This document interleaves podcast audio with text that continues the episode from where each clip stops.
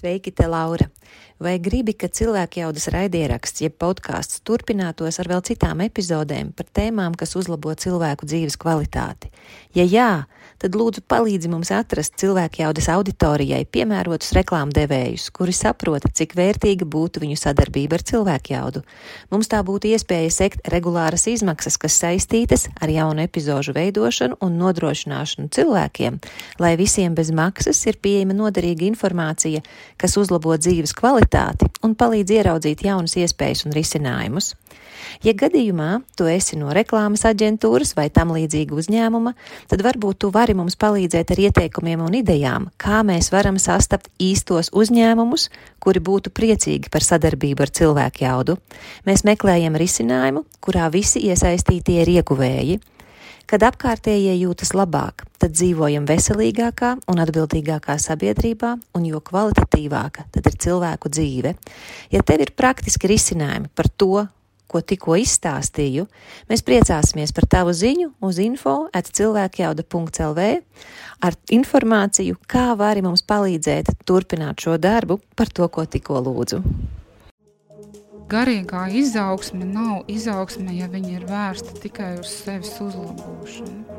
Tāda austrumu filozofija ļoti, jā, man patīk tās lietas, kas tur ir, ka katra mūsu ieelpa un izelpa mūs pietuvina tai nāvei. Katra ātrā nāve, par ko mēs visi, es vairs ne sapņojam, jā, ir 10%.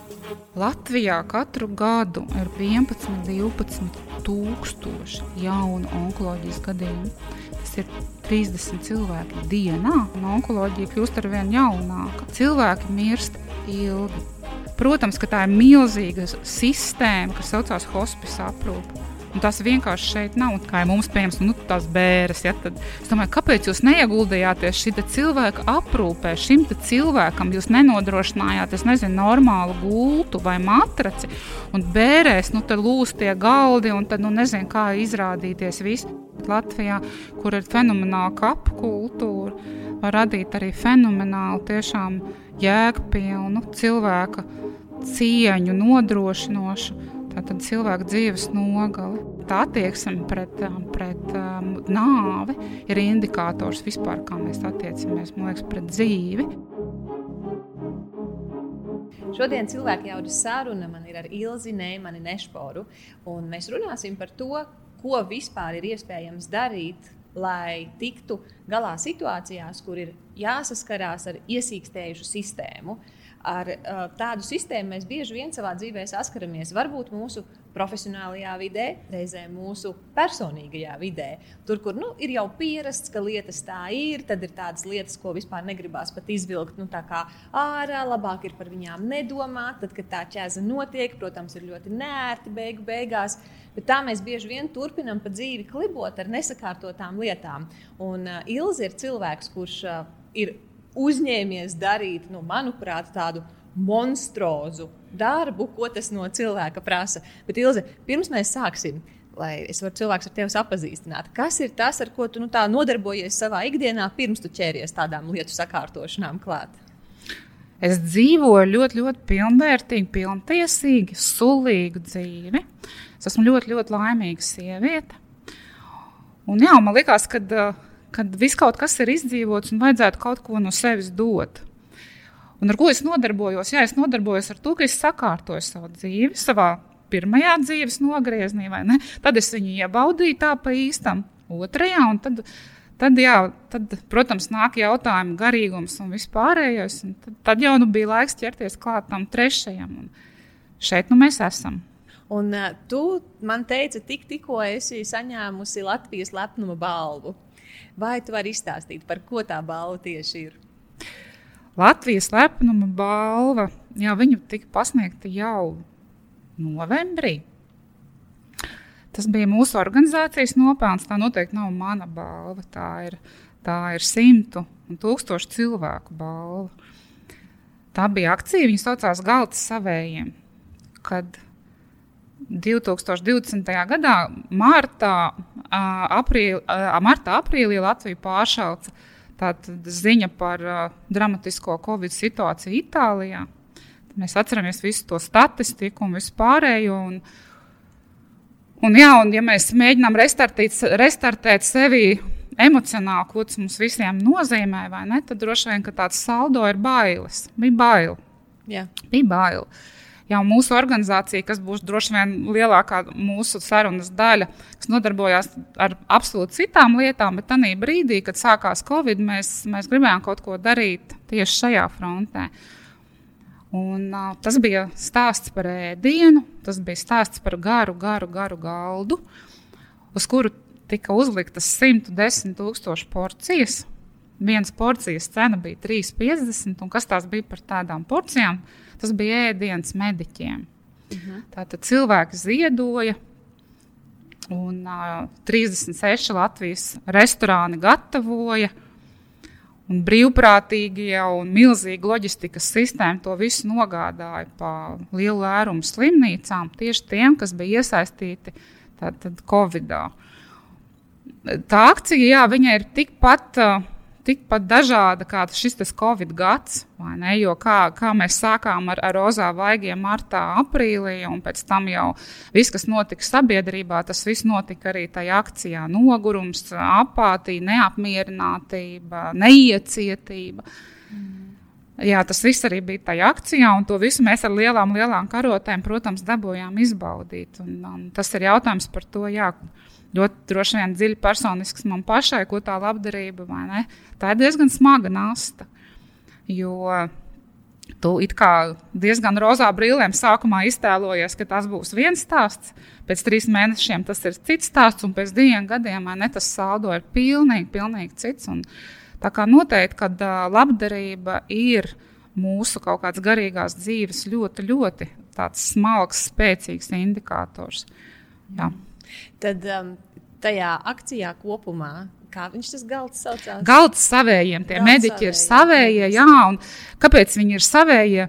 Tāpēc, ka, nu, tas ir manas kaut kādas spilgtās ainas, vai ne, par to, kā, kāpēc, viņi, kāpēc, tā, kāpēc mediķi ir savējie. Tad varbūt atceries Latvijā pirmās tās covid teltis, varēja nodot testus. Uh, Mārts augsts ārā, ja visi tur kombinācijos, policija apsargā mašīnas tur pa vienai laiž iekšā, un tad mēs vedam to ēdienu. Un tad iznāk tie cilvēki, un tad viņi pusstundu vēl nostos kombinācijos, ja, un tur apakšā, zina, tāda sajūta, tāda, tāda frontes līnija. Diezgan skarbi, bet tāda liela gabala gaļa. Tie, ir, tie, ir, tie bija tie jaunie interni, ne, kas strādāja tajās COVID, COVID pieņemšanas punktos, jauni cilvēki pārsvarā. Jā, un, un, un, un tie bija tie, dēļ kuriem mēs centāmies, protams, vairāk, visvairāk. Un tas ir tas mūsu Covid stāsts, tas ir tas mūsu galds savējiem, jo pēc tam jau nāca stāstu par to, kāpēc vismaz mediķiem, vai ne, mediķiem tiek paceltas algas, mēs esam visi kaut kādā diezgan diskreditētā situācijā, un, un tur tomēr ir kaut kāda valsts sistēmas garantēta vai ne pārticība. Un, un, un kāpēc vēl mums, sabiedrībai, ir jāatbalsta šie mediķi? Un visi aizmirsa vispār tās savas bailes, kas bija tajā martā, aprīlī, kad bija vienkārši bail nomirt. Yeah. Kad bija bail, likās, ka mētāsies vai ne līķi tagad pa visām malām, un mūsu veselības sistēma ar to noteikti netiks galā. Tas ļoti ātri aizmirstās. Jā, jā un tad jā, man bija. Vēl tāda, tāda iekšēji, iekšēji diezgan liela prieka sajūta par to, ka šo akciju, kur dabūja Latvijas lepnumu balvu, organizēja organizācija Hospice. Un tad uh, mūsu statūtos ir ierakstīts, ar ko mēs vispār gribētu nodarboties. Un pirmais punkts, ka mēs gribam, lai Latvijā cilvēki vispār zinātu, ko nozīmē vārds hospice. Mūsu pirmais punkts tā tad ir popularizēt jēdzienu hospice. Jā, un, nu, mūsuprāt, katrs no tiem 6000 cilvēku vai vairāk kā 300 uzņēmumiem, kurus ziedoja, viņi vismaz painteresējās, ko šis vārdiņš nozīmē. Viņš skan griezīgi, jā, divdomīgi var būt. Bet, nu, katrs sākums ir grūts. Mēs prasījām valodas inspekcijā, varbūt ir kaut kāds pielāgojamāks vārds. Uh, Bet uh, atbildība visnotaļ nē, tas ir viens jēdziens visā pasaulē šai sistēmai piemērojams. Kāpēc mums atkal izdomāt kaut ko unikālu? Ja mēs gribam, lai, lai saprotu, kas tas ir un saprotu cilvēku visā pasaulē, tad nu, mēs tā arī sauksimies Hospice LV. Runājot par sistēmām, Kas bija tā sistēma, kuras daļa tu biji pirms tu sāki nodarboties ar labdarību un iet pret daudzām tādām iesīkstējušām sistēmām? Kas bija tā tava dzīves sistēma? Mana dzīves sistēma, es noteikti esmu, es esmu punks savā būtībā. jā, jo jā, es esmu arī izmesta no skolas. Un, bet es esmu sadarījis, uzreiz pastāstījis. nu, es cīnījos, tad, tad bija jācīnās par, par tautas fronti, pret kaut ko un tā tālāk. Un, un Latvijas neatkarība un kaut kas tāds. Un es vienmēr gāju līdz galam, robeža nebija. Vai, ko vai... tu darīji, kad tevi izmet no skolas? Nu, mums, bija, mums bija tāda skolu kautiņa. Tas, Aha. tas ir nu jā, varbūt aizkameras, kad mēs latvieši pret krieviem un, un mēs dzīvojam pilsētā, kur bija diezgan krasi nošķirta šī te, šis te valodas jautājums bija un tā, tās, tās, tās, valo, tās nacionalitātes dzīvoja diezgan atsevišķās ne, tādā rajonos un piekop mm, dažādu dzīves stilu. Un, nu, līdz ar to jā, bija ideja, par ko cīnīties. Un, protams, tā vēl visur ap, apkārt lozungu un tā tālāk. Jā, es cīnījos vienkārši par, par Latvijas neatkarību. Ne? Un tajā laikā, protams, nu, likt... kurā gadā tas bija? Nu, es biju kaut kādā astotā klasē, tas ir kurš gads, tas ir ļoti, ļoti sens, tas ir 80 kāds. Uh, trešais gads. À, tad, tad tas ir vēl pirms brīvības atgūšanas. Noteikti stipri, pirms. Nē, nē, noteikti pirms. Un, protams, par to nācās samaksāt. Un, Un, nu jā, un par to, ka es savā būtībā nerēķinos ne, ar sistēmu, ja man ir ideja un sajūta, ka kaut kas nav kārtībā. Es atceros, jau bērnu dārzā es, es tiešām sklapēju puikas, es varēju iedot nu, normāli pa muti. Jā, ja man liekas, ka nu, aizskar vājākos, tā ir otra man kaut kāda, vai ne, varbūt pat, pat psiholoģiska vai psihiska nezinu, problēma.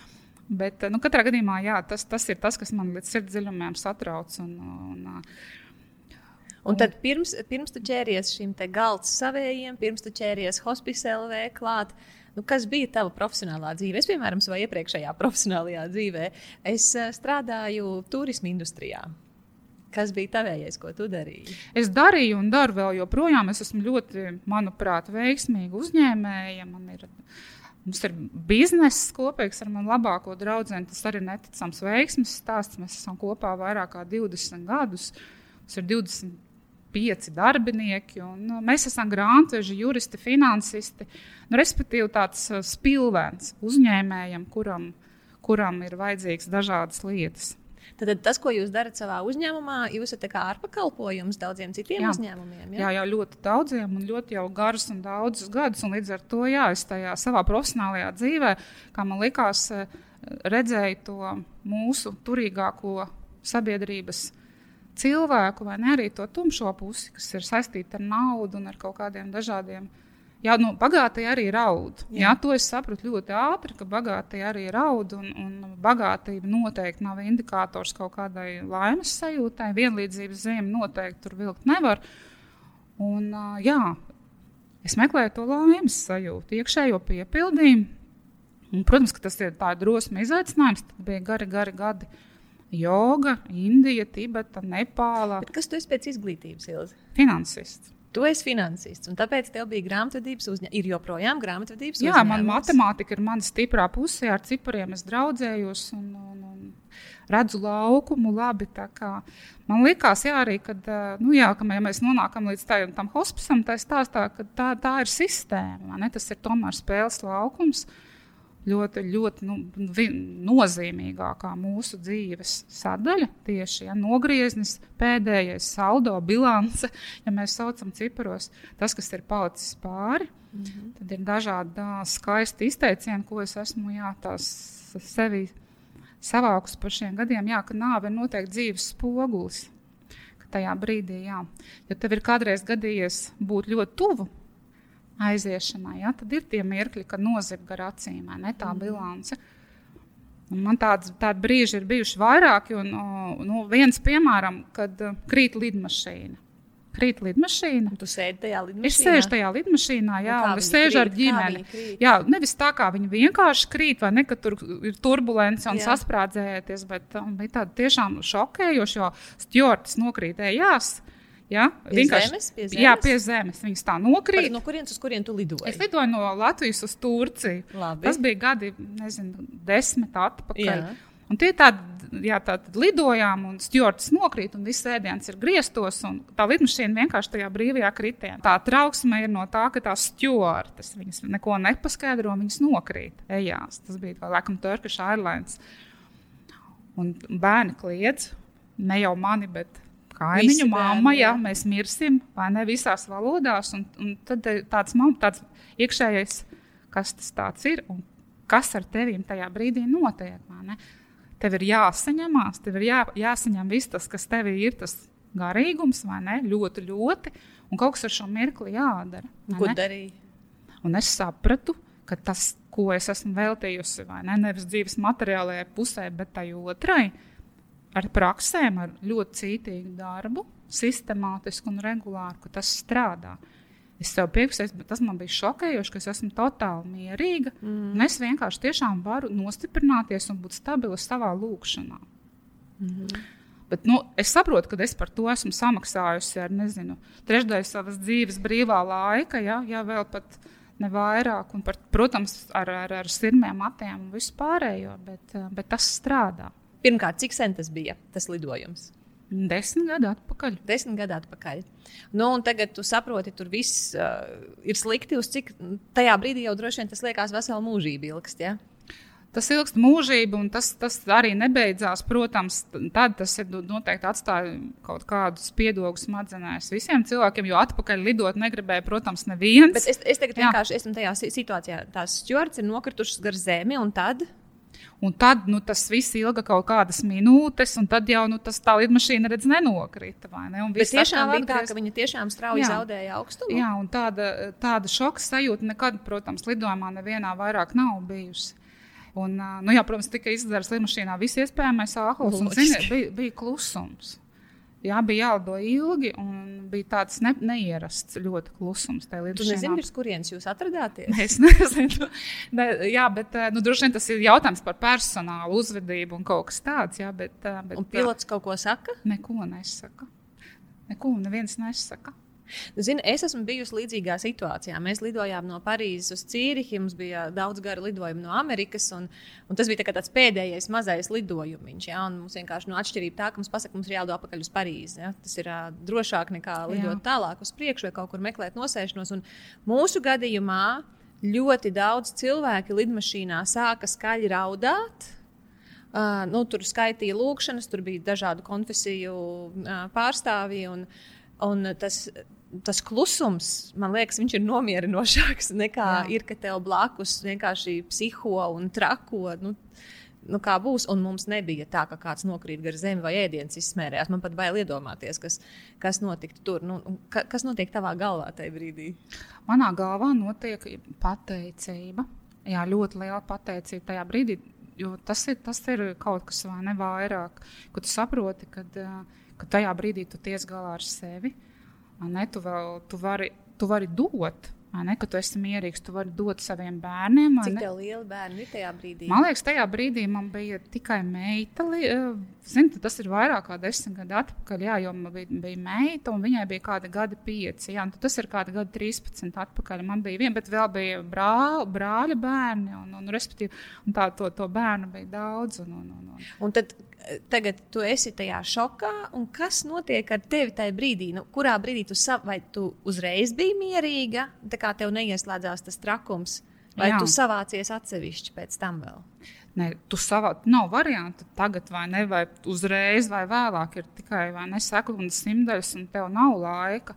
Tie ir tie brīži, kad laika nav, vai ne, vai kad tev mašīna sāk slīdēt. Nu, tu taču zini to sajūtu, mm -hmm. vai ne? Kad mm -hmm. mašīna sāk slīdēt, Tas ir tas kaut kas, kas mums atgādina, tas lielais, tas lielais atbildīgais. Vai tu, piemēram, stāv reanimācijā pie tuva cilvēka, tu atkal saproti, viņš paver acis. Tu saproti, ka tev ir sekunde, tev ir kaut kas, tev ir ļoti jāsavācās, vai ne, tā savā kodolā, lai tu varētu kaut ko dot.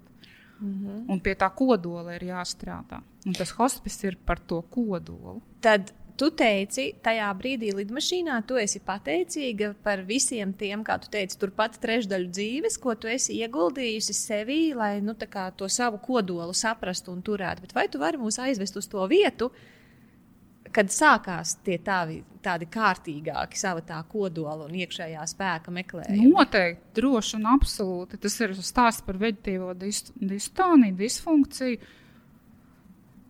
Tie ir kādi, man ir gadi 23, 25, kaut kas tajā nogrieznī.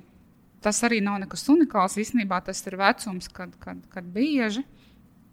Un tajā laikā, jā, protams, medicīna nebija tādā līmenī, un bija izvēle vai ne, vai nu pāriet uz diezgan smagiem medikamentiem, vai arī kaut ko darīt vēl. Nu, tad, tad sāku meklēt nu, principā, alternatīvos visus variantus. Tas, tā alternatīvā medicīna nedaudz griež ausī man šobrīd, un, bet jā, no alternatīvos veidus. Un, Tie alternatīvie veidi, īstenībā aizved tikai pie tā, ka tu esi pats savas ne dzīves režisors un kalējs, un ka tev ir sevī jāatrod tas resurss.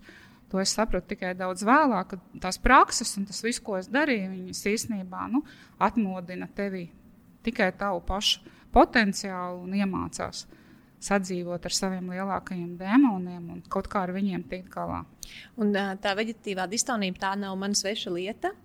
Man bija līdz situācijai, kur sauca ātrā palīdzību, jo mm -hmm. es mhm. nevaru pat pēlpot. Nu, vai, protams, ka es varēju pēlpot, bet sajūta ir tāda, nu, visas tūlīt smoku gluži vienkārši nost. Un, tad, kas bija tās prakses, kuras tu izmēģināji, un, un kuras tavā gadījumā tu konstatēji, jā, es šo ceļu iešu vismaz kādu laiku iešu. Nu, jā, tu sāc iet pie cilvēkiem kaut kādiem.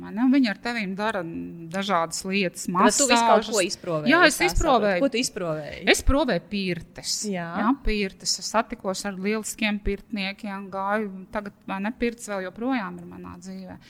Tad uh, masāžas dažādas, dažādi. dažādi kā viņi tad saucās, viņi nesaucās ekstrasensi, kaut kāda ener, ener, enerģiju speciālisti tajā laikā. Un, uh, jā, un, un uh, grāmatas.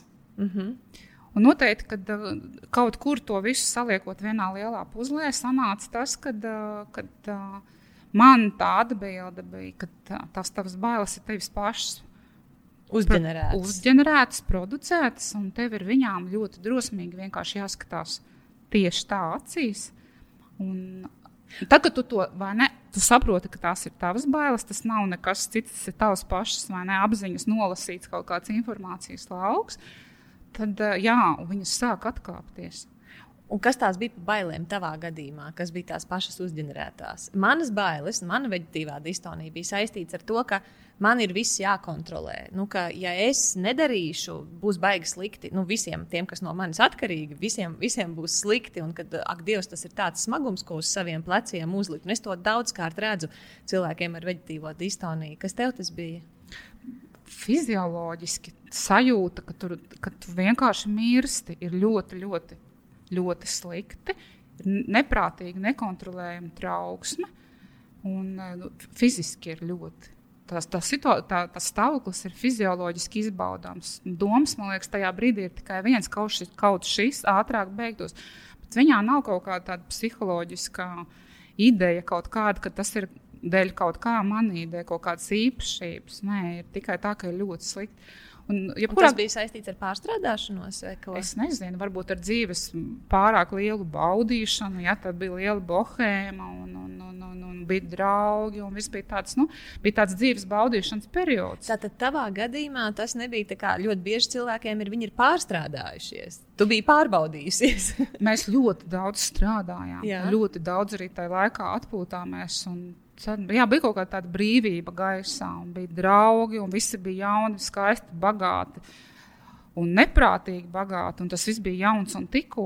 Ne? Mums jau nebija tāda paudzēm audzēta kultūra, ko vispār darīt ar kaut kādu materiālo situētību. Tad, nu, tad bija tā, ka jūra līdz ceļiem, un, un dejo visi, un dejo ilgi un līdz rītam, un, un, un protams, kad lieto dažādas, dažādas ne, vielas. Un, un, un tas viss piederās kā, ne, jaunībai un trakulībai, un to visu savienot droši vien ar darbu ir neiespējami. Vienā brīdī tavs organisms kaut kādā veidā te pasaka, stop. Tātad tev bija ļoti liela slodze ar to, kā tu strādāji darba laikā. Un tu liki vēl otru slodzi, tā kā saucamā baudīšana, bet jā, tā baudīšana slodzi. Jā? jā, jā, baudīšana, protams, tā ir īstenībā slodze. Tagad ar, ar gadiem tu saproti, kad ir jādozē. Jā, un tad, jā, kad izrādās, ka cilvēku veģetīvā dis distonija nav tikai no negatīvā, vai ne, viņa arī no pār, pārbagātības pozitīvajā. Vienkārši tos tā, tā netiek galā, vai ne, tos neironu ķēdes ar to visu, ko tu viņam krauj virsū. Mm -hmm. un, tad, un kā tu nonāci līdz tam, ka tu pats reizes esi bijusi Indijā? Nu, tas viss izriet droši vien viens no otra, ka, viens cilvēks atnāk un ienes tavā dzīvē kaut ko un, un vēl, un, un joga virmoja tajā brīdī gaisā.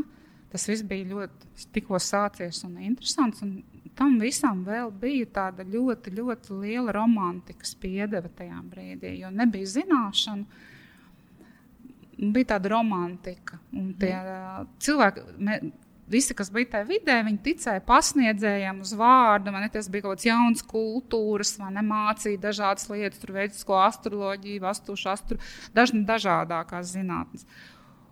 Un to visu pieņēmām ar lielām karotēm, ēdām un pieņēmām kā absolūto patiesu. Par kuru gadu ir runa šobrīd? Apmēram, no nu, apmēram.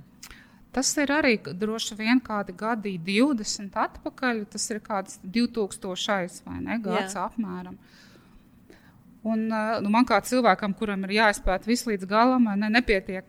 Kad jau, atbrauc šeit skolotāji, atbrauc šeit skolotāji vai, vai ir šeit uz vietas pasniedzēji, daž, dažādi ir jābrauc vai neskatīties, kas tam lācītam ir vēderā. Un to es arī uztveru īstenībā kā milzīgu dāvanu, jo es esmu par šiem gadiem sapratusi, ka tik daudz pazūd tulkojumā. Kad tie cilvēki, kas nodarbojās visu dzīvi ar kaut ko vienu un uzticīgi, uzticīgi seko kādam skolotājam. Jā, ir jāmācās valodas, ir jāsaprot, kas tai sistēmai ir īstenībā vēdā un kam viņa ir vispār domāta. Ja? Mm -hmm. Jo nodarboties ar uh, jogas pozu, tā praksi ilglaicīgi un uzskatīt, ka tu nodarbojies ar jogu, nu, tā ir īstenībā ļoti laba un, un kolosāla ne, fizioterapija, fiskultūra, bet tā nav joga. Mm -hmm. Ja, jau, es, es tagad nestāstīšu ne, ka, par šo visu milzīgo bloku, ja, kas ir manas dzīves ar milzīgu sastāvdaļu, bet uh, es sapratu pāris reizes, gan tātad, Tibetā, gan Indijā, tie cilvēki saka, nu, mācies valodu, kā mēs vispār varam tev kaut ko mācīt, un, un kā mēs vispār varam ar tevi komunicēt, ja ir tulks. Uh, Un tad jau tur gadiem tikai saprot, ka tulkam arī ir savi uzdevumi, principi un tā tālāk. Un ļoti viņš daudz tulko, ko viņš, grib. Jā, viņš tulko īstenībā, ko viņš grib. Jā. Jo viņam ir arī šeit kaut kādas organizācijas, ir kaut kādas sistēmas, ir tas viss jāuztur un, ne, un naudiņu visiem vajag. Un tu jau nemeklē to. Ne, tu jau nemeklē kultūras namu, tu jau nemeklē diskutēt ar pieaugušajiem. Tu īstenībā meklē, ko darīt, kad tā lidmašīna krīt. Mm -hmm. Tu to meklē, un tu to nevari atrast tādā pasīvā meklēšanā. Tu nevari atkal grupā ar 20 sievietēm, vīriešiem, visiem tev labi pazīstamiem, iekāpt lidmašīnā, aizbraukt un, un, un dabūt apgaismību. Dabūt apgaismību, jo tu īstenībā aizbrauc ar to savu. Ar savu to būri. Jā, jā. Cik tev bija komfortabli šeit, tikpat komfortabli tev būs tur. Un, un apziņa jau ne, tādā līmenī, kā viņa vibrē, viņa var attiecīgi pievelkt to, kas tev ir apkārt. Un, tādas transformācijas nav. Ir jā, cilvēku atkarība. Viņi visi tik ļoti grib braukt uz Indiju, viņi grib braukt, un vēl, vēl es biju viena no, no viņiem. Šobrīd es nezinu, vai man vēl gribās braukt uz Indiju.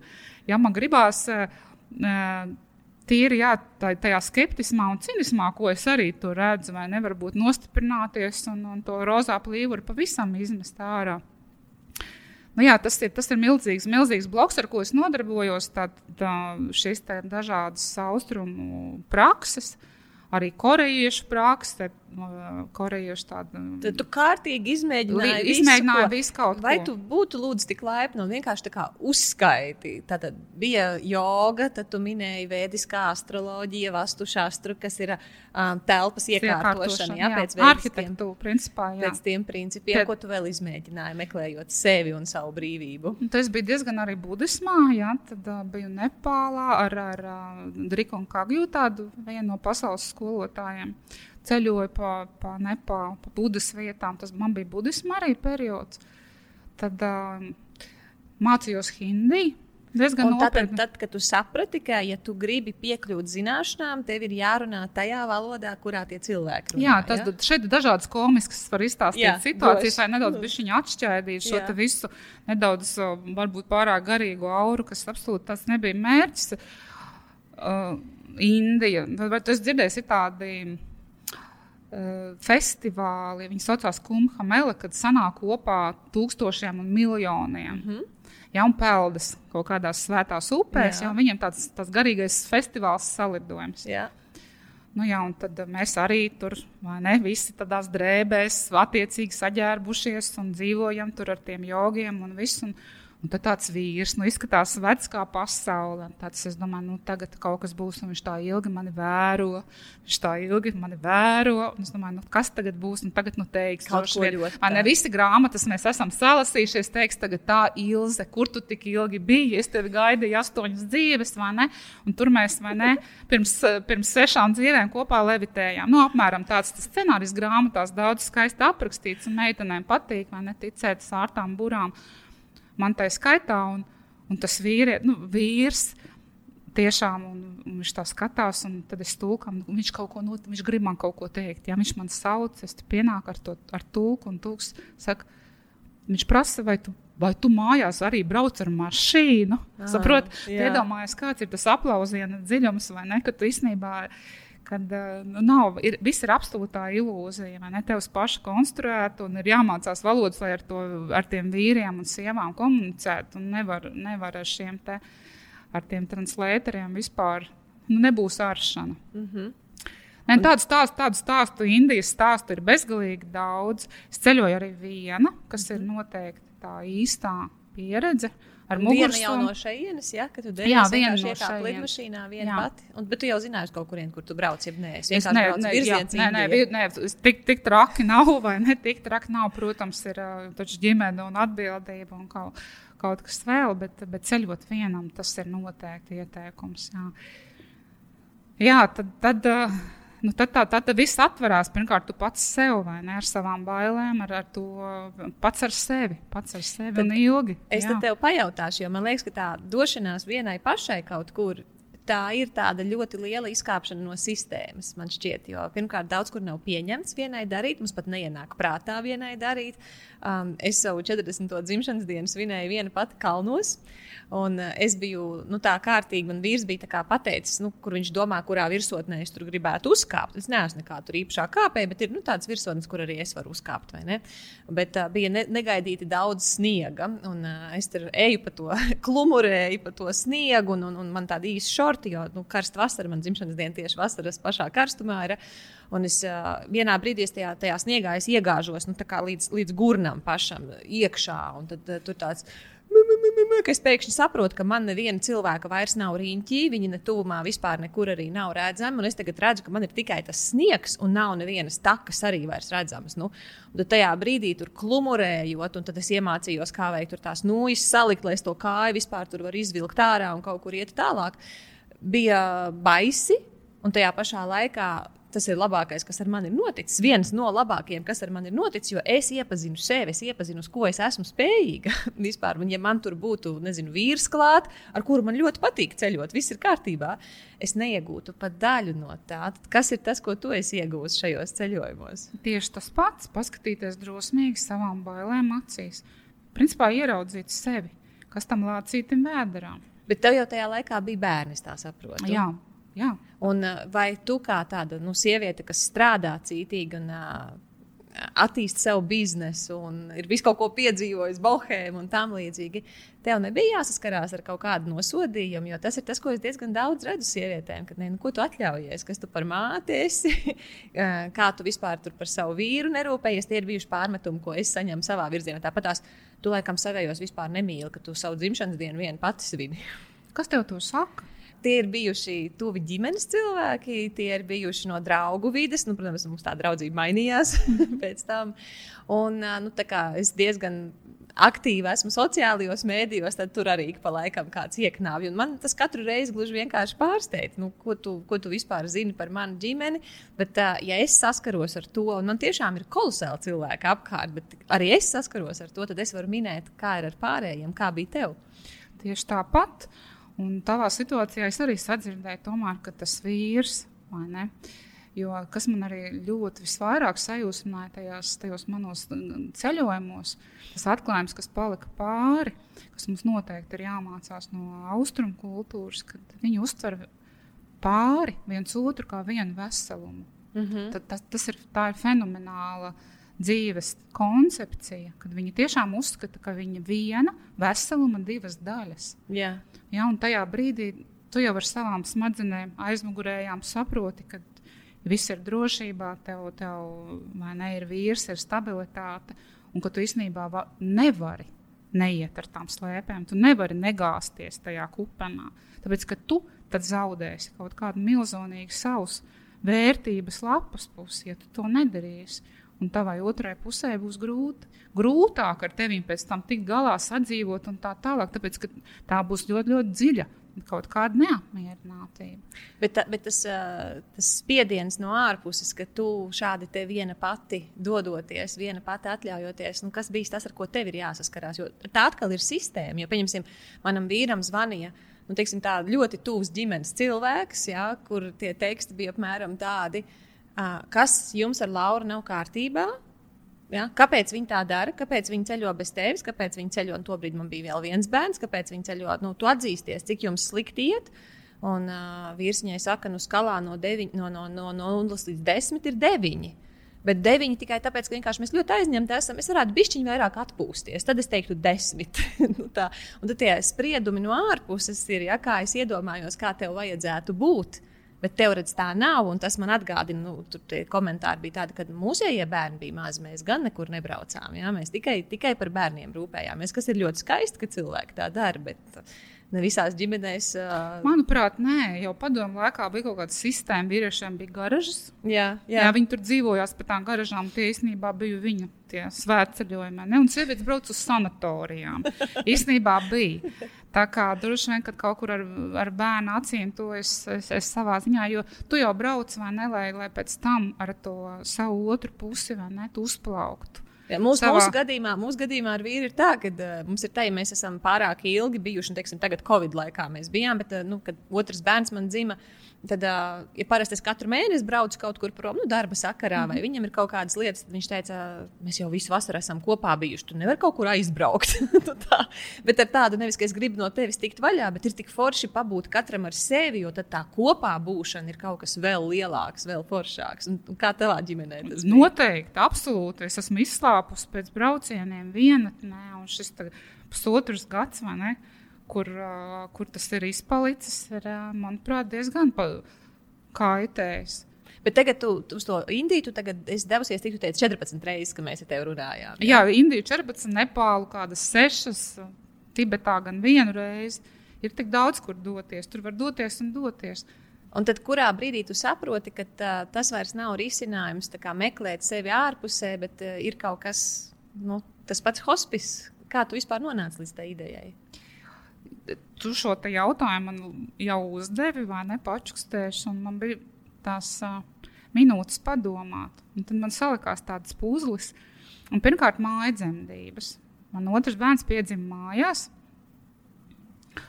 Un uh, tajā brīdī, kad es varēju tiešām par to visu padomāt, sākot ar to, ka uh, māja dzemdībām ir jāraksta scenārijs, tas ir tik skaisti Ne, pēc tam to lasīt, kādas būs tavas dzemdības, kā tu viņus iedomājies. Tu jau, protams, ka kaut ko projicē. Un... Bērniņš dzima mājās, un tas, tā, tā pieredze bija tik šokējoša, fenomenāla. Piedzimt bez vardarbības, piedzimt tā kā, tie, tā, kā mēs to esam plānojuši. Kaut gan fizioloģiski ne, tur bija dažādas kaut kādas, varbūt, blaknes, iespējams, un tā tālāk. Bet tajā brīdī, kad es, kad es gaidīju savu dēlu, es zināju, ka kad, tā, kad viņš atnāks mājās. Jo katram bērnam ir tas savs atnākšanas stāsts. Tur to es arī esmu kaut kur lasījis, un viņš ir tik skaists, un viņš to pasaka priekšā.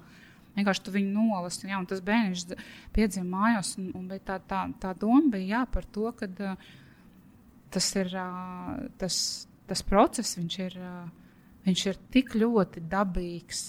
Viņš ir, viņš ir tik ļoti izauklēts, viņš ir suportēts no visām pusēm, un tas tam ir jānotiek mājās. Tas ir vispār par to stāsts. Mm -hmm. Nu, jā, tā tad mājadzemdības, tad uh, pieredze, kaut kāda mirstoša cilvēka tuvinieks šeit, un tad es aizbraucu uz Indiju, un tā, tas starplieks ir ļoti īss, un tas šoks, ne, kad šeit tie cilvēki ir tā, tāda bluķi. Nevien, tā aprū, tās aprūpes nav, tie izmisušie tuvinieki, reanimācijas ar kliedzošiem radiniekiem blakus. Ne, vis, tā sistēma ir nu, šausminoša. Tiešām šausminoša, jo par to nav padomāts. Slimnīcas nav tam domātas, ja? pansionāti nav tam dizainēti un domāti. Tas notiek ne tur, kur tam ir jānotiek, un ne tā, kam, tā kā tam vajadzētu notikt.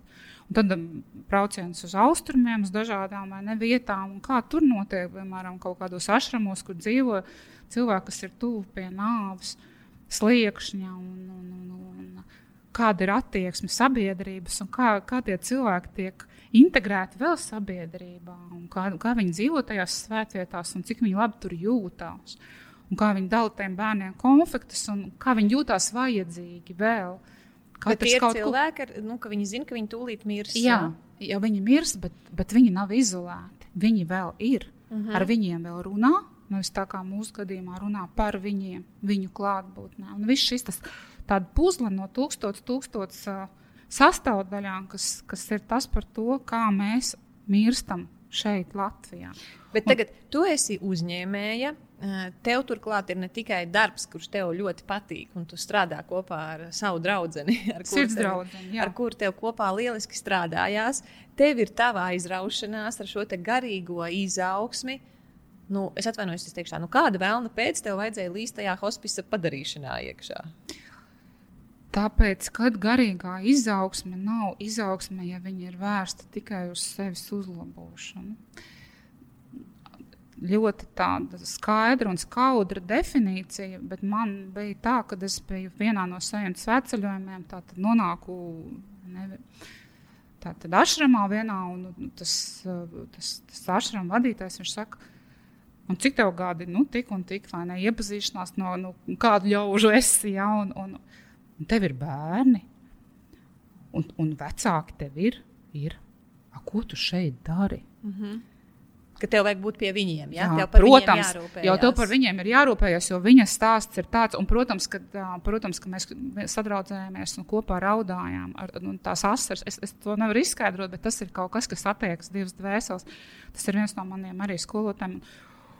Un, jā, ka viņa stāsts ir tāds, ka viņa, viņš ir visu mūžu apzināti izvairījies no laulības un attiecībām. Tad viņam ir mamma, un tad mamma bija jāpaglabā, un tad viņam bija 60 kādi gadi, ka viņš varēja pievērsties tam, kam, ko viņš visu mūžu ir gribējis darīt. Saprotu, tu saliec vai ne tā atbildība un viss pārējais un kaut kāda dzīves. Uh, skola un tev ir rāmji, kuri tev ir jāiziet. Tev šis te ir jāizdara, šie ir tavi tie posmi, tev viņi ir jāatstrādā. Nav variantu. Nu, nevar tā. Nevar. Uh -huh, uh -huh. Nesēdēt, sēdēt ašramā, ašramā lotusā, vai, jā, kam, jā, un, un, un uzskatīt, ka tas, ka tas ir ok, jo tagad man ir šāda pieredze. Tomēr ir jāpaskatās, kas, kas ir apkārt. Nu, jā, un tad otrs ir. Tad tas bija tāds mirklis, ja, kur tu sev arī pajautāji, paga, paga, kāpēc es esmu šeit. Jā, un otrs ir, kad vēl ir, vēl ir arī tā, atkal skolotāji, atkal cita zeme, Nepāla. Un, un diplomi pie tām sienām karājās, un es jau varu to devinu agrī to rakstu izlasīt, un es tagad tur bloksturēju, kas tur rakstīts, un es domāju, kāpēc viņiem tādā goda vietā ir tāda diploma sakarnā. ir tie diplomi? Jā, un par ko viņi ir, un kas tad tie tādi tagad jā. par diplomiem, un kas, jā. un tad, tad jā, diploma ir par to, kad ir uh, cilvēks tur skolām palīdzējis, vai nekādas sociālās lietas dara, un tādu skolu palīdzējis atvērt, un tādu skolu, un tādiem bāriņiem. Un tad tas jautājums, ka tas ir goda vietā, un man bija tie jautājumi, tas ir tas jums, protams, ka tas ir vispār tas, kas no tās tavas garīgās prakses paliek pāri. Ka tā ir tā īstā garīgā praksa, Jā. kad mēs palīdzam citiem. Jā, nevis, kad ka... mēs tikai uz sevi, es tikai attīstīšos, man tikai būs. Bet tu nevari vienu bez otra. Tu mm. nevari nevienam palīdzēt, ja tev ir iekšā ne, sabojāts leduskapis. Nevar. Nevar, nevar, tur eh, nekas nesanāks. Tā tad ir sanāk... vajadzīgs tas laiks pašam sev. Noteikti. Tad, tur jau nav ko dot, vai ne? Kad, kad iekšā nekā nav, un tur nevar nospēlēt, un sevišķi ar, ar, ar mirstošiem cilvēkiem. Tu, viņi ir tik sensitīvi, un tas skatiens ir tik caururbijošs. Viņš jau nolasa tevi. Jā, viņam vien, nu, tādā ziņā viņam ir viena alga tās visas maskas un pārējais. Tā tu jā. domā. Tad, vai tev ir bijusi saikne, vai tu esi komunicējusi ar mirstošiem cilvēkiem? Jā. Tur uh, var, viens ir tuvi cilvēki, vai ne, kur tevi jau pazīst kā Lauru ar visu tavu. Nu, ar svešiem man nav bijusi saikne. Jā, ar, jā ar svešiem. Nē, tas, ka viņi nav. tevi noskanē Nē. momentā. Un ne, bez tā, bez, bez klusuma un iekšējās kaut kādas ne, telpas savas, kuru tu audzē katru dienu un izravē, nav iespējams. Nu, labi, tātad tev bija šie tādi pamošanās, atmošanās brīži, kad tad ir jārūpējas par saviem, neskatoties uz to savu personīgo izaugsmi. Uh, ir jādara kaut kas labs, nu labi, bet kā tu līdz tam hospisam nokļuvi? Hospisam, jā, un tad uh, grāmata. Man viņa latviešu valodā pat ir tulkot, kas ir runa kā uh, būt mirstīgam. Aha. Autora atceries? Atuls Gavande. Uh mhm. -huh. Un uh, vienkārši ir jā, nezinu, 150 lapas puses, kur ir aprakstīta visa scenārija, kā mēs apmēram kaut kā iedomājamies tās savas dzīves beigas. Un, Un visi tie mani saliktie scenāriji par bērniem, vīriem un ūdens glāzēm, viņi ir aprakstīti, cik viņi ir ļoti nonivelēti un nestrādā mūsdienās. Tā tad tas doma, ka vajag bērnus, lai būtu kas vecumdienās piemēram, nevis vajag bērnus, bet vienkārši, ka bērni palīdzēs, vai vīrs palīdzēs, vai draugs palīdzēs. Un tad ir tur dažādi piemēri aprakstīti ar vislabākajiem nodomiem. Ne, mēs aizlidojām no vecāku mājām 20 gadu apmēram vecumā, ja, un tad tagad mamma ir 70, 80, vai ne, tev ir 50 vai ne kaut kas. Gadu, un jūs atkal satiekaties. Tu tagad esi izdomājis, ka tu māmu vai tēti novadīsi viņam šo pēdējo dzīves posmu. Jūs esat pilnīgi dažādi. dažādi. Jā, jums ir dažāds dzīves ritms, jums ir dažādi ieradumi, prioritātes un tā tālāk. Un kā psiholoģiski sagrūst šis labais fons, kā, kāds jums ir bijis un uz kā jūs esat turējušies šos gadus. Un, un vienkārši tu, tu arī nevari, jo tev nav tādu iemaņu, un tu viens pats, kāda mēs esam visi aktīvi strādājuši, tu nevari šo cilvēku normāli novadīt. Kāda ir bijusi tā tava pieredze? Jo redzi, mēs starp mūsu absolventiem esam saskārušies ar situāciju, kur cilvēki arī manā vecumā, nu, sievietei vēzis ir, mums vairāk tādi gadījumi ir. Un ļoti, ļoti mīloša ģimene, ļoti rūpīgi bērni, pieauguši jau, vīrs ļoti rūpīgs. Bet tajā brīdī, kad ir skaidrs, nu, ka ir ļoti slikti, es atceros, mums bija bail, ka, tie, ka tiem cilvēkiem pašiem kaut kas vēl notiks. Ne, ne, ne, ne tai sievietei, kas ir tik briesmīgā Jā. stāvoklī, bet ka notiks tiem, kas viņus kopj. Protams. Un, uh, mums paveic... un arī notiek. Jā, un mums, mums paveicās ar to, ka tad, tad, tad tas mūsu absolventu lokus ir ļoti atbildīgi, sirsnīgi cilvēki. Kas, ja var, tad palīdzēs. Bet bija tā, ka tajā brīdī es atceros, ģimenēm bija ļoti grūti tikt galā kaut vai saprast to, kas viņiem ir vajadzīgs. Un viņi ir veseli cilvēki, nu, tādā ziņā viņiem galva labi strādā. Ir cilvēki, kas arī nodarbojas ar uzņēmēju darbību, viss ir kārtībā, bet tajā brīdī ir vienkārši par daudz. Un tad, tad mums bija tāpat sadalīts, ka ir tie, kas nāk uz dežūrām, palīdzēt ar šo smagi slimo cilvēku, tīri viņu pie, nu, sa, kopt un, un pieskatīt. Un tad ir vēl viena daļa, kas rūpējās par tiem, kas atnāk no dežūrām lai tur pēc tam uz mājām neaiziet vraks. Tas mums pielica vēlāk, uzreiz jau mums tas nepielica. Bet, uh, no kurienes tev nāca tā sapratne, kāpēc tev tas ir svarīgi? Tev bija kaut kāda notikuma tavā dzīvē, vai kā? Jo tas bija tas, no kurienes es to sapratu. Brīvprātīgo darbs. Mm -hmm. Sistēma, jā, tad droši vien jāsāk ar kaut ko privātu, vai ne? Kad man, man, manus tuvos cilvēkus, jā, kā viņi ir, uh, Un man bija, es biju vēl tāda jauna, bet tie bija mani vecāki. Viņi principā man bija kā vecāki. Mm -hmm. Un tā mīlestības saikne. Un tas, tas kad, cik, cik tu vari un, un ko tu vari izdarīt šajā valstī. Nu, principā, ko tu dari? Tu rauj to cilvēku ārā uz slimnīcām. Kaut gan ir skaidrs, ka nu, mēs vairāk tur neko radikāli izmainīt nevaram, bet tomēr ir slimnīca. Tā ir pie mums ir pieņemts. Un pat tajā brīdī neviens nedomāja, ka ir vispār kaut kāds cits variants, vai mm -hmm. ne mhm. līdz tam brīdim, kad tu redzi, kā tas notiek kaut kur citur, vai tu izlasi, kā tam vajadzētu būt. Jā, un tiešām tas, tas izmisums par to, kad, kā viņi aizgāja. Vai ne pie, pie aparātiem pieslēgti, vai ne pīkstoņā kaut kur, kaut kādā vidē. Kaut gan, protams, ka 90% cilvēku grib nomirt mājās savā gultā.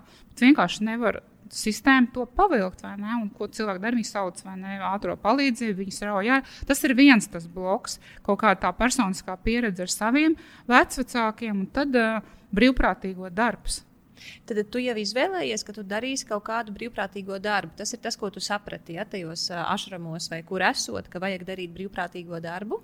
Jā, un arī tas, ka vispār viss, tā, viss tas garīgums, kas ir austrumos, ne, viņš ir tomēr akumulēts par to, ka tu gatavojies Uz aiziešanu. uz savu. aiziešanu, savu aiziešanu, vai ne? Tu gatavojies, uh, sagatavo sevi šai situācijai. Tad nāve tas ir, kā viņi bieži saka, tas lielākais tests, kas mums ir. Ja? Jā, skolotājs galvenais. Mm -hmm. Un, uh, par to, ka uh, jā, šī tēma mani nebiedē noteikti. Man patika, ja Indijā vai Nepālā ļoti komunicēt ar, ar šiem cilvēkiem, mirstošajiem. Man ļoti labi sanāca.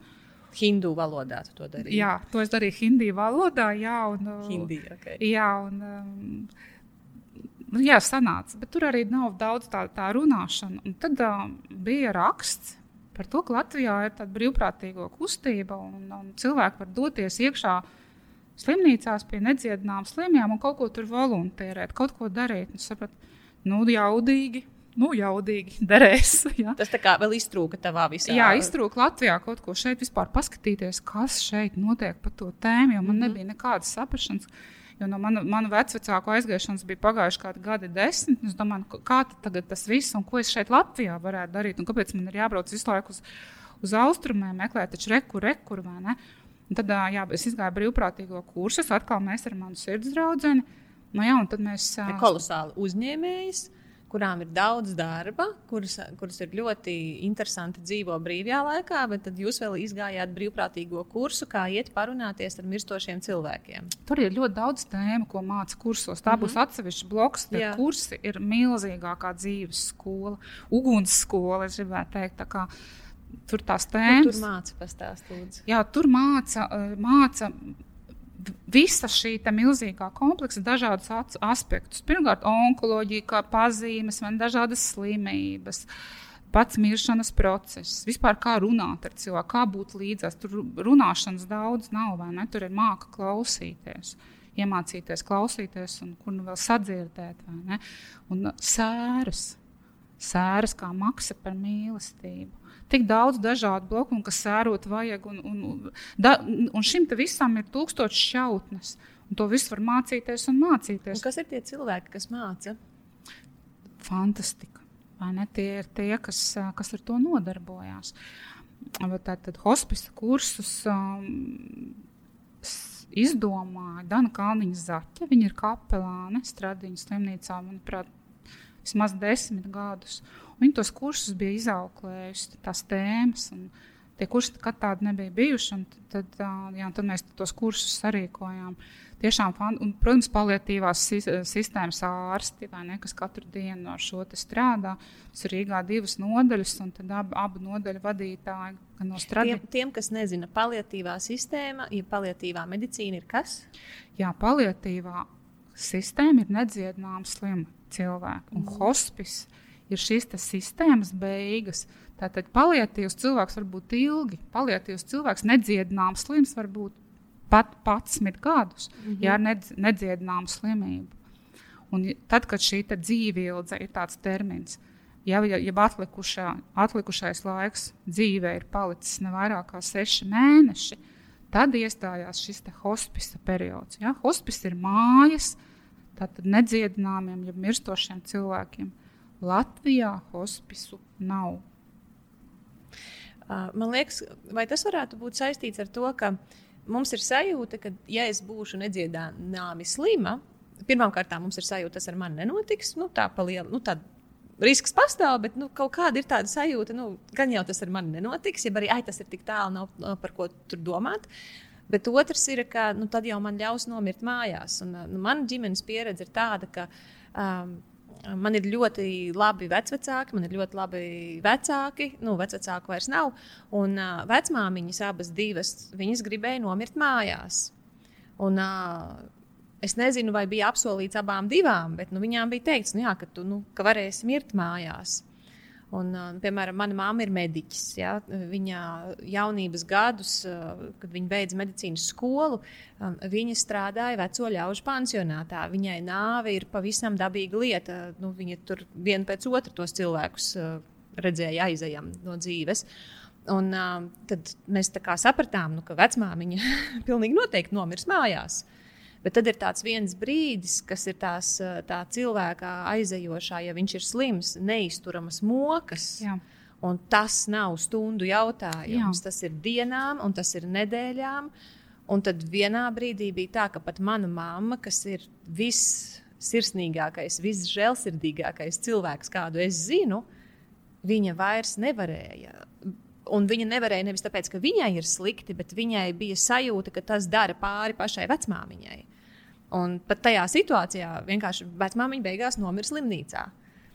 Lai gan uh, nebija nekāda pamata domāt, ka viņa nemirs slimnīcā. Un, uh, otrai vecmāmiņai nu, tas stāsts arī līdzīgs ir, kad vienkārši viņa izvēlējās, neskatoties uz to, ka viņa gribēja nomirt mājās, viņa uzskatīja, ka tas pārāk lielu slodzi uzliek tiem mājiniekiem. Latviešiem ir šis, tas nevienam negrib būt par nastu. Tas un, ir arī beigās vienkārši jā. tā situācija, kurā un, un man liekas, ka mēs, mēs domājam, vai ne, kad nu, man jau tas tā nebūs, bet tas, ko mēs nezinām, ir cik grūti tas ir. Kā tu teici, mums nav atbalsta. Latvijā katru gadu ir 11, 000, 11, 12 tūkstoši jaunu onkoloģijas gadījumu. Izdala ir 365, tas ir 30 cilvēki dienā. Mm -hmm. Katru dienu uzzina diagnozi, ka viņam ir onkoloģiska saslimšana, kur milzīgs skaitlis katru dienu 30. Un, mē, un tie cipari otrie ir ātrā nāve, par ko mēs visi, es vairs ne sapņojam, ja, ir 10% no visas iedzīvotājiem. Saprast, saprast avārija. nelā, avārijas, nelaimes gadījumu un kaut kas tāds. Jā. Cilvēki mirst ilgi. Mm -hmm šo, ar, šo, ar šodienas medicīnu ne, sirdi uztur ļoti labi, ne, un cilvēki mirst ilgi. Un kas notiek ar šo ilgi? Ne, tas no vienas puses ir, protams, skaisti, bet no otras puses, nu, kas notiek ar pašu cilvēku, ja viņam nav atbalsta sistēmas, un kas notiek ar ģimeni? Ne, atbalsta nav. Tavā gadījumā ir ģimene, bet iedomājieties, kad ir vientuļie. Tālāk ir visas šīs ģimenes, kas ir izšķirtas, vai ne? Mēs dzīvojam pa visu pasauli, un vecāki ir šeit. Un, uh, 30 gadus apmēram pasaulē funkcionē tā saucamā hospice sistēma, kas par to visu ir padomājusi. Mm -hmm. Par katru no šīm situācijām. Tavā gadījumā droši vien būtu vajadzīgs bijis attēlpas brīdis, kad, piemēram, atveda um, omīti uz, uz attiecīgu uz, piemēram, trīs dienām, piemeklē viņai pareizus opiātus, vai ne, piemeklē pareizās devas, lai nesāpē, neizmēģina un skatās, jo onkoloģijas gadījumā ir šīs krīzes situācijas. Mm -hmm. Ne sāpes, sāpes kā indikators, protams. Un, uh, un viņi atgrieztu mājās, un jūs varētu piepildīt viņas vēlēšanos, vai nenomirt uh, mājās.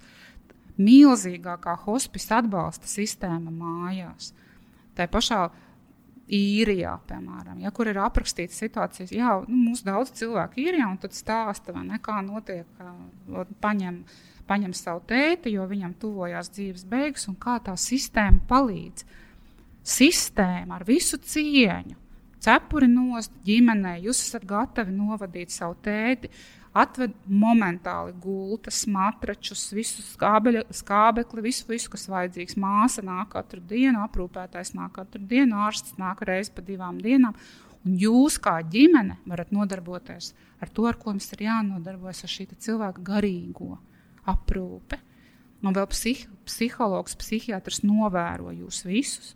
Un tad, kad aiziet cilvēks, tad vēl ir gadu uzraudzība, kā tai ģimenei iet, kā viņi tiek galā sērās. Mm -hmm. Milzīga sistēma. Mums no tā nav nekā, precīzi nekā.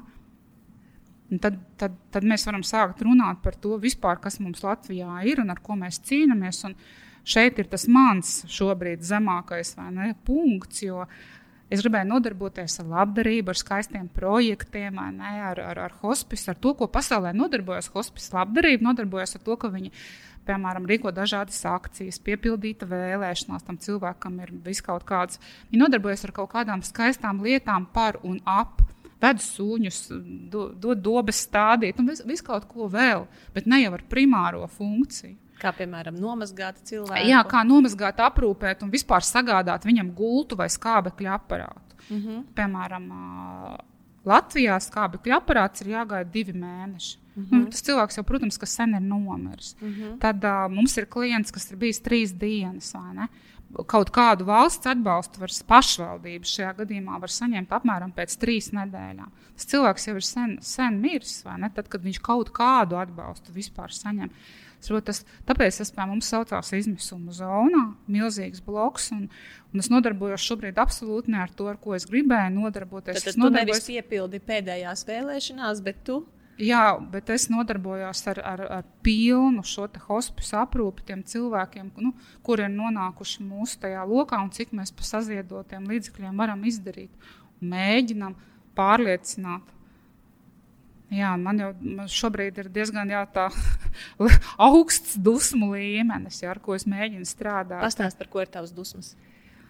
Manas dusmas ir par to, ka ir kaut kādas tādas jomas, varbūt tie ir, tā ir man kaut kāda kārtējā ilūzija, kur nevar strādāt vienkārši kaut kādi funkcionāri, jā, ar, ar, ar tiešām nonivilētām, degradētām kaut kādām empātijas ne, lietām. Nevar ja tā, tā, tomēr tā sociāla, sociālais darbs un kaut kas tāds ir, tad, nu, kas tomēr prasa iedziļināšanos vai vismaz kaut, kā, nu, kaut kādu minimālu interesi. Ilzi, vai tu vari Jā. pastāstīt šos piemērus, um, jo vienai daļai nebūs saprotami. Tātad ir sanitāri, ir, es nezinu, kas tie vēl ir kopēji. Un tad ir tas uh, cilvēks, nu, kurš tā tāds nezinu, traucējošs gaļas gabals kaut kādā brīdī ir. Ja? Tad kas ir tas, ar ko mums ir jāpadomā. Mēs varam saskarties vai nu savā gadījumā, vai savu radinieku gadījumā. Kā būs eh, šī cilvēka ēdināšana, piemēram, vai ka, kas, kas ir tas, ko tu redzēji, kas tev traucēja? Es neredzēju neko, kas man netraucētu. Man jāsaka, tev citādāk, jo absolūti nekas neatbilst nevienam priekšstatam. Tad, tad pastāsti, ar ko mums ir jārēķinās. Tad, kad mēs ar izmisuma zonu. Nu, tas izpaudīt praktiski, uzskait lūdzu tās lietas. Jā, tā tad. Uh, Rīgā ir divas nodaļas, kur var uzturēties paliatīvs pacients. Viņš tur ir cilvēks, kurš zināms, ka viņš, viņam, viņš, ir... jā, viņam, viņam tā tad, jā, ir ļoti smaga diagnoze. Viņš ir mirstošs cilvēks. Viņa valsts savā medicīnas aprūpē paņem 7 līdz 10 dienas, kā kur. Mm -hmm. jā, pēc tam ir jāmaksā 60 līdz 100 eiro dienā. Ja, tas tā tad 3000 eiro. Un tagad iedomājieties, 3000 pat, eiro mēnesī. Jā, bet, tad, pat, bet tas cilvēks, ja tev arī pat ir tie 3000 eiro mēnesī, viņš būs slimnīcā. Ja? Un slimnīca, un slimnīca ir slimnīca. Slimnīca nav paredzēta miršanai un nav dizainēta tam. Ja vispār jebkura mūsu medicīnas sistēma ir ir tā tāda ātrā izvesaļošanai, radikālai kaut kādai medicīnai, un tu ej mājās. Uh mhm. -huh. Tas nav domāts tur dzīvot un uh mhm, -huh. mirt. Uh mhm. -huh. Un tu kā tuvinieks arī, nu, ņemot vērā Covid, vispār pat tur klāt netiec. Ne? Tātad tas cilvēks būs tajā sistēmā, viņš tur mirs, un tur viņš arī nomirs, ja tev ir piemēram tie līdzekļi, ko maksāt. Tas ir plāns A, un viņš ir vēl ļoti labs. Jā. Tāpēc, kad viņam sistēma vai ne pie sevis saglabā, tagad tev nav tās, nav to līdzekļu, vai ne, vai arī kaut kāda pat nav, nav maksas vietu, vai ne. Tas cilvēks cilvēks, tavs tuvinieks, mīļais, viņš atbrauc pie tevis mājās. Viņam ir varbūt stomas, vai ne, kaut kādas vai ne, mākslīgā barošana vai kaut kas tāds. To visu būs jānodarbojas tev. Ja? Un tu vari saņemt, attiecīgi mēģināt šajā visā procesā sakārtot gultu, kas tev aizņems apmēram nu, mēneša, divi skābekļa aparātu, kur tu iestāsies rindā, cerams, saulaicīgi. Un tad tu mēģināsi dabūt kaut kādu aprūpētāju. Nu, man, piemēram, es, es neko negribu teikt, bet tā problēma ir tā, ka tiem cilvēkiem netiek pienācīgi maksāts, Jā, un tas ir attiecīgs kontingents, kas, kas strādā ne visi. Nu, man, piemēram, viena drauga gadījumā bija tā, ka jā, viņš, viņš ar smagu invaliditāti Un viņam vajadzīga mājas aprūpe, un viņam ir aprūpētais. Viņš nezina, kā ieslēgt putekļu sūcēju, viņš nezina, kā strādā elektriskā plīts. Viņš tādas lietas tas nezina. Jā, tas ir aprūpētājs. Saprot, attiecīgi pēc viņa paliek vai ne gaisā smārts un vispārējais. Un, un, un tādā sensitīvā lietā kā miršana, uh mhm. -huh. tavā mājā ienāk aprūpētājs kaut kāds, kurš mhm. -huh. nav aprūpētājs mūsu gadījumā nav tam speciāli nesagatavots, ne mācīts. Viņš ir sagatavots absurds. Piecas minūtes ir mazgāšana. Mm -hmm. Ja? Nu, Iedomājieties, kā var gulošu cilvēku. Tad, tad tur ir aprakstīts, ka pati nevar piecās minūtēs. Nē, atnest bļodu, viņš ir guļošs. Tu jau viņu nevari vai ne, aizvest mm -hmm. uz vannas. Tad tev ir jāatnes gulta, eh, bļoda, tev ir jāsaliek visi rīki, tev viņš ir jānomazgā līdz pusē, ja pēc tam jāsatīra. Tad, tad tā, standartā piecas minūtes. Ja, un par šim, te, šim te cilvēkam, šim aprūpētājam, tiks apmaksātas piecas minūtes. Vēl iedomājies, kā tā sistēma ir degradēta. Pirmkārt, kas tur strādā un cik viņi saņem, un otrkārt, kā vēl var izkropļot un paņirgāties par, ne, par, par kaut kādām cilvēku vajadzībām ar šīm minūtēm. Bārdas griešana, tur 20 minūtes, piemēram. Kā var gulošam cilvēkam, viņam, ja mēģina to bārniņu dzīt, ja, nu, tas aizņem vismaz stundu, pusotra. Ja. Un mēs esam par to, ka visā pasaulē, protams, normāli civilizēti ir par to, ka šis cilvēka pēdējais dzīves posms, viņš ir sakrāls, viņš ir svēts. Vai vismaz ar cieņu? Cieņu, jā, tieši tā cieņa, tie cieņpilnas, vai ne tās dzīves beigas. Tas ir jautājums par to, ka jā, tā, tā attieksme pret, pret nāvi ir indikators vispār, kā mēs attiecamies liekas, pret dzīvi. Un, ja mēs attiecamies tā pret aizējošiem cilvēkiem, mēs soļojam iekšā tādā attiecīgajās iestādēs, viņi saka, bet mums viss ir, mums ir aprūpe. Ne tā, tajā brīdī saprotu, ka, kas tie ir par cilvēkiem, ar ko jūs vispār nodarbojaties. Ja? Un, uh, mūsu, piemēram, komandā ir brīvprātīgā ar četru gadu pieredzi. Ja? Tas cilvēks, nu, nu, tiešām fenomenāli, jo es esmu pati kopā ar viņu voluntierējis un es redzu, ko viņi dara tiem pacientiem, kā pret viņiem viņi izturās. Uh, Un kad um, tas cilvēks ir kaut ko sagatavojis un mēģina kaut ko stāstīt tiešām no sirds, pastāstīt kaut ko par šo pakalpojumu, ko vajadzētu vispār Latvijā darīt, un viņi rupji pārtrauc un saka, mums šīm jūsu liriskajām atkāpēm vispār nav laika. Tagad, nu, tas ir kaut kas tāds, kas, kas nav ietērpjams vai ne kaut kādos skaitļos, vai ne kaut kādos, kaut kādos uh, tādos nedzīvos degradējošos rāmjos, kāda, kāda, ir, kāda ir Latvijā. Un uh, tu teici, ēšana, ka tas cilvēks pat nedabū paēst savā tempā, bet. Jā, nu tas ir. Es neteikšu, nesaukšu atkal vārdos. Jā, mūsu brīvprātīgo vidū ir sieviete. Viņa pati bija guloša slimnīcā. Ja? Un ilgstoši guloša gadu. Un tad viņas lielākās bailes un panika ir par to, ka viņai eh, bija jāpēta tajās divās minūtēs, nu, kad tas aprūpētājs to vienkārši to ēdienu stūķē mutē. Bet tas jau nav tāpēc, ka tas aprūpētājs ir vainīgs. Tas ir tāpēc, ka viņam ir vēl jāpēdina 20 cilvēki. Tas ir tāpēc, ka par to neviens nedomā un nerūpējās. Un tad saproti, ka uh, nu jā, tajā brīdī jau viņi arī nezināja, cik ir tā viņas dzīve ilga un tā tālāk. Un, un, un par tieši par attieksmi, par to, ka tu esi nevarīgs, tu pats nevari ne, šo funkciju vairs izpildīt. Un, ko es vēl gribētu teikt, padomāt, nu, man tas bija tāds, jā, kad vecums vai slimība ir pastāvīga zaudējuma ķēde. Tu zaudēsi tās funkcijas vienu pēc otras. Katrs no mums to zaudēs. Un tad kā, kā tu ar to sadzīvosi un kā, kā tā sistēma vispār ne tevi atbalstīs. Un, Nu, jā, tad, ja tu man dod divas minūtes pastāstīt, kas ir manu, manā galvā, kur ir tas hospisa skaistums, tad tava lapa un tav, viss tavs dzīves moto šobrīd ir jā, par to jaudu ne par, par to dzīves brīvību ne un skaistumu, ko cilvēks pats var ne sevi, caur sevi ne kaut kā radīt. Nu, jā, par jaudīgumu. Jā, un es uzskatu, ka tas ir viens no iemesliem, kāpēc mums ir jārunā arī par nāvi. Jo, ja mēs baidamies runāt par nāvi, tad mūsos nav nekāda jauda iekšā. Ja mēs viņu tā kā tādu kaķa kaku paslaukam zem, zem paklājiņa apakšā, jā, nu, no tās sērijas, to es vairāk redzēju tieši latviešiem. Ka, ja mēs par to runāsim, mēs to piesauksim.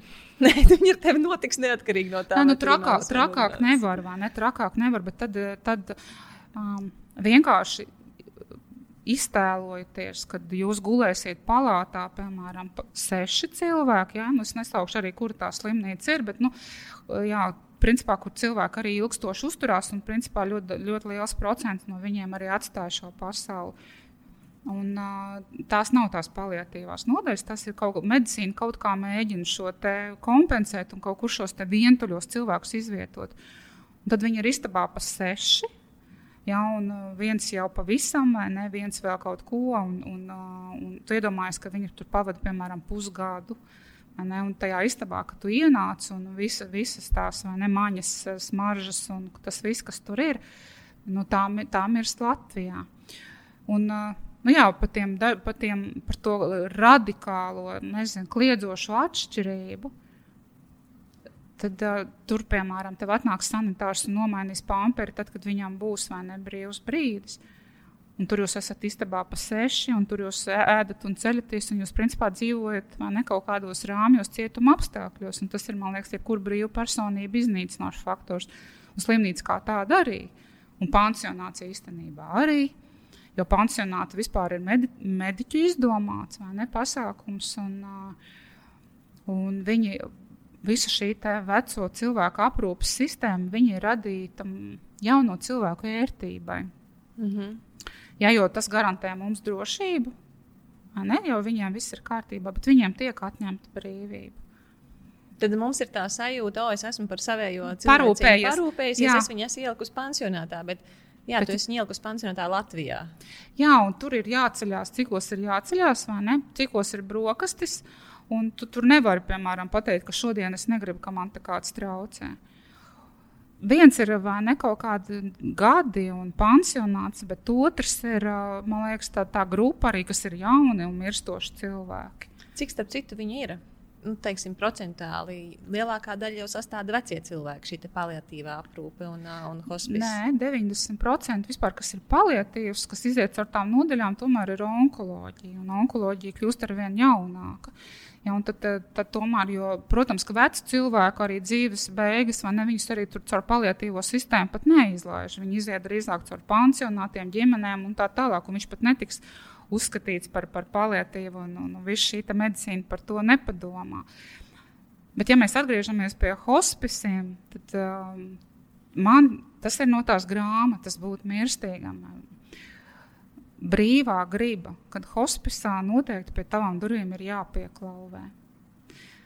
Ne, jo tas ir tavs brīdis, tas ir tavs intīmais brīdis, tas ir pusgads vai tās ir nedēļas, cik tu nonāc hospitā, pie tavām durvīm ir jāpieklauvē vienmēr. Un aprūpētājs vai māsa vai ārsts nāk pie tevis ciemos. Un tava ģimene tur var būt tik, cik viņa grib. Viņi var atgriezties savā gaitās, jo tur ir padomāts par to, lai viņi arī tur var uzturēties. Tāpēc tās ir mājas. Tas mīļais cilvēks, viņš atbrauc ar saviem, ja viņš vēlas palagiem, ar savām gleznām, ar savu kaķi, ar savām lietām kas viņam atgādina, ka es vēl esmu par maniem domām, un es vēl esmu svarīgs, es esmu šeit. Jā, tā, tās ir visas šīs mazās lietas, liekas, kas ir mega lielas tajā brīdī, kad, kad es saprotu, kad es, kad es mirstu. Man nevajag, tad, kad tu dzemdē savus bērnus, tas, tās ir tavas mega svarīgās lietas, visas, visas tev apkārt, vai ne? Visas, jo tās ir tava bērna radības. Un tad kāpēc mēs tik ļoti dizainējam šo vienu nogriezni? Vispār nerūpējamies par to otru. Jā, jo piedzimt nozīmē, ka būs arī nomiršana. ja no apakaļ vai nekā saka, neviens tur nav, Netiks, nav ticis, un, un tas, tas mums visiem ir priekšā. Tad, Bet, tad... Ilza, tavā darbā, tas, ko tu teici man, ka tu ej pret sistēmu. Jā, Latvijā. Tātad, jā. Jo no vienas puses, nu, taču, man liekas, tā vajadzētu būt. Wow, kāds grib šo situāciju uzlabot. Nu, paldies tev. Bet es saprotu, ka nekādas paldies tu nedabū. Es nedabūju nekādu paldies. Un, uh, es, es, es saprotu, ka es trau, mēs esam traucēklis, kas parāda, izgaismo šo sistēmas kroplību. Bet kam jūs tieši traucējat? Tam tiem cilvēkiem, kas ir atbildīgi par sociālo labklājību. Jo kur tad, uh, piemēram, man atbrauc klienti no Krievijas biznesā, ja, un tad uh, viņi ļoti pārsteigti, ka jūs darbojaties hospice sistēmā. Viņiem ir šoks. Jums Latvijā nav hospice. Tas tāpat tās Krievijā ir. Vienā Maskavā 11. Jā. Jā, Krievijā, Krievijā ir visur. Lietuvā, ir Igaunijā, ir Baltkrievijā. Tā tad ir arī Lietuva un Igaunija. Jā, ir. Un pie mums nav. Pie mums nav. pie mums nav. Un kā, kā uzskatā, piemēram, kad nevajag. Kad sociālā sistēma nodrošina kaut kādu aprūpi, mēs runājam par to aprūpi, ko es teicu, ja pat tāda līmeņa aprūpi, tad, tad tev viņa vēl ir jānokārto, ko tev principā nevar tajā afekta stāvoklī. Nezinu, kāds milzīgākais procents vispār nesakārto nekādu aprūpi. Un tu pats zini, tas viss gulstās uz ģimenes pleciem. Nu, par šo mēs varam runāt gari un plaši. Un, protams, ka tā ir milzīga sistēma, kas saucās hospice aprūpe.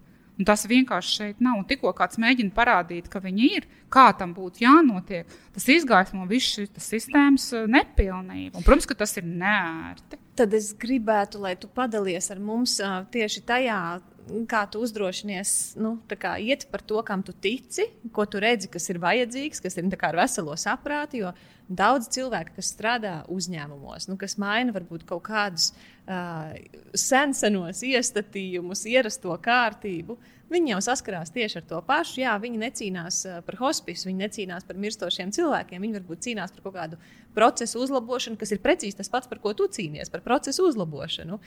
Kādam tas ir darba vietā, kādam tas ir nu, viņa ģimenē. Tieši tāpatās ne, mēs nestūķēsim tur, nezinu, kotlets, ne, nu, vienkārši nezinu, kaut kāda beigta trakno mērķa iekšā. Vai arī, ziniet, nu, mēs nekaunināsim bērnus šādā veidā. Nu, tā arī ir iešana kaut kādā veidā pret sistēmu. Un tad ļoti bieži šie cilvēki tā arī saka, nu, es esmu viena pati. Un es saprotu, ka arī tu šajā situācijā, vai tu jūties viena pati, ja jums vismaz ir tā jūsu kopiena?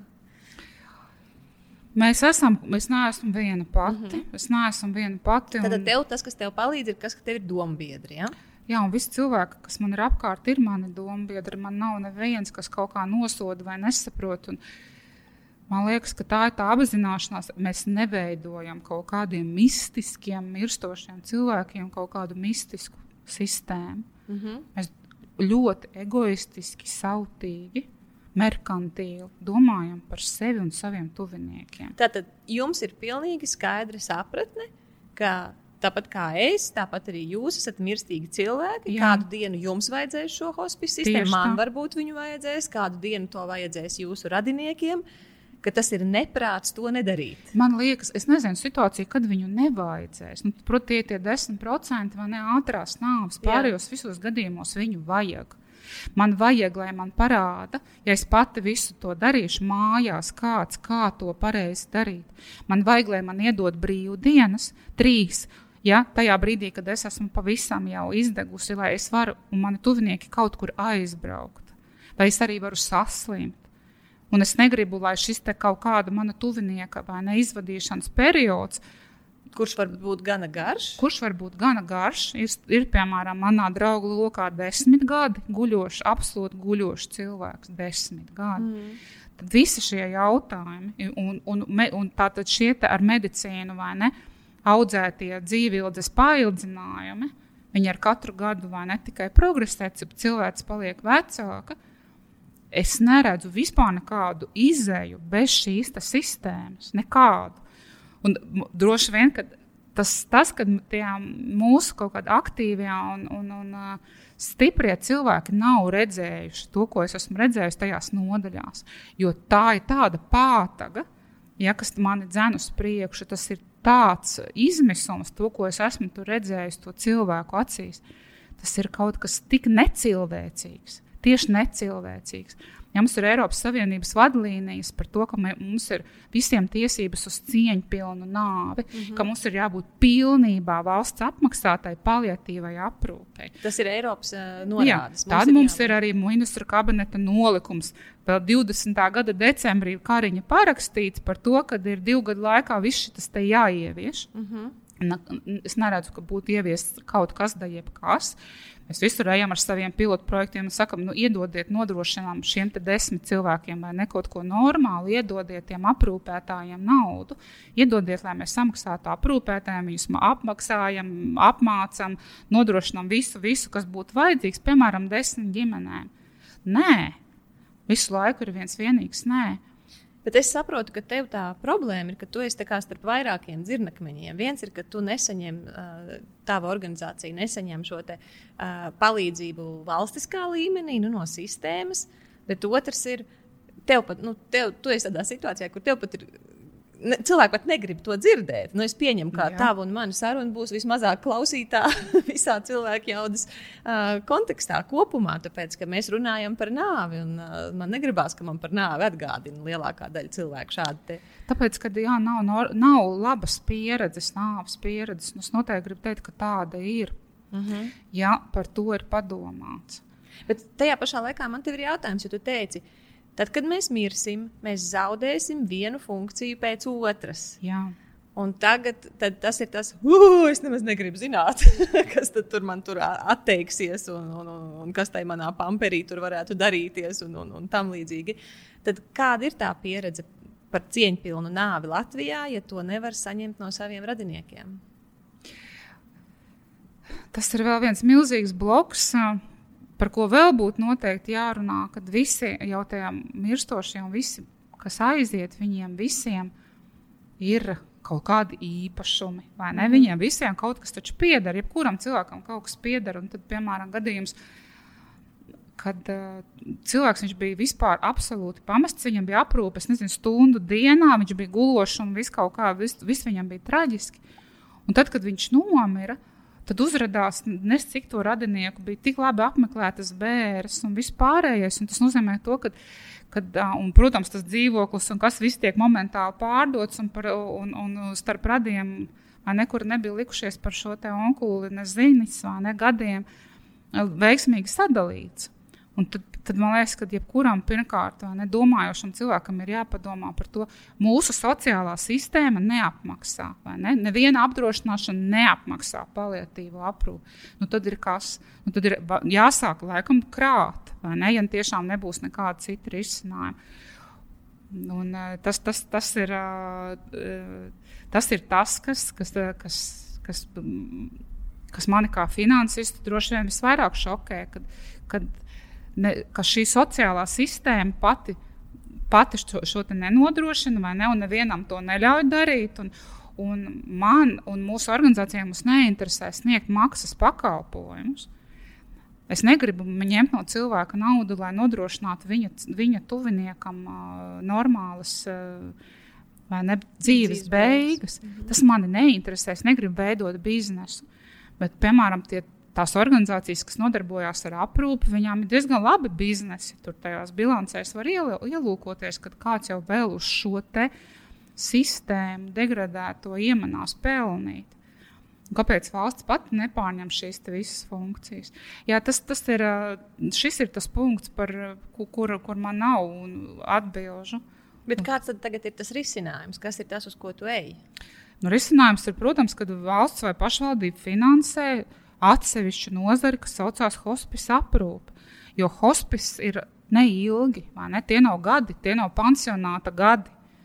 Tas ir līdz pusgadam. Mm -hmm. Un ka valsts šo procesu pilnībā finansē. Viņi finansē aprūpētāju, viņas finansē to, ko es minēju, visas šīs palīgu lietas, kas ir vajadzīgas, gultas, aparāti, skābekļi un visādi palagi un, un, un viss, viss iespējams. Ka to valsts nodrošina tieši tajā dienā, kad tam cilvēkam ir attiecīgā diagnoze. Un, ja viņam nav to tuvinieku, kas ir gatavi viņu aprūpēt, tad valsts nodrošina viņam hospisu. Un hospis nav pansionāts. Redziet, arī ir vēl problēma, ka tajos hospisos, kamēr nav būts, vispār nesaprot, par ko es runāju, kas, kas, tas, tāds, kas tas tāds par biedējošu nosaukumu hospis. Un tad jā, var apstīties internetā, kādi tie hospisi ir nu, fantastiski. Tiešām fantastiskas mājas ar stikla logiem, kur cilvēks pa logu, kamēr viņš vēl ir dzīves, viņam ir ko redzēt. Viņu ar gultu var visu kaut kur izstumt ārā vai aizstumt uz koncertu, viņš paklausīties kaut ko vēl var viņam. Tad nāk vēl piemēram, brīvprātīgie, un tad ir dažādas akcijas, un viss kaut kas notiek. Tāda cieņa pret šo procesu, ka cilvēks mirst. Tad ir dažādi pasākumi, ko rīko ģimenes, piemēram, bet vēl cilvēkam dzīvam esot, viņi iegulda nevis bērēs. Kā jau mums pieņems, nu, tās bērres. Ja, tad es domāju, kāpēc jūs neieguldījāties šī cilvēka aprūpē, šim cilvēkam jūs nenodrošinājāt, es nezinu, normālu gultu vai matraci, un bērēs, nu, tad lūs tie galdi, un tad, nu, nezinu, kā izrādīties viss.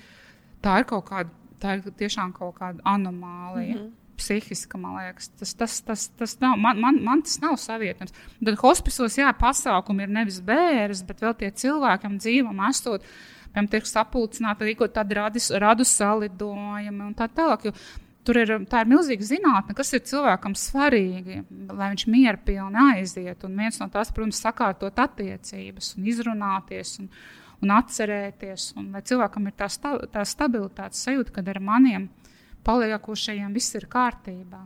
Un tad uh, jūsu organizācija, nu, kas ir tieši tas, ko jūs labi viena lieta, jūs cīnāties par likumdošanas maiņu, es tā saprotu, vai ne? Par, par mēs, mēs, jā, mēs cīnāmies, lai, lai ievieš Latvijā jaunu sociālu pakalpojumu, hospice aprūpi un ģimenē šis te ir finansēts.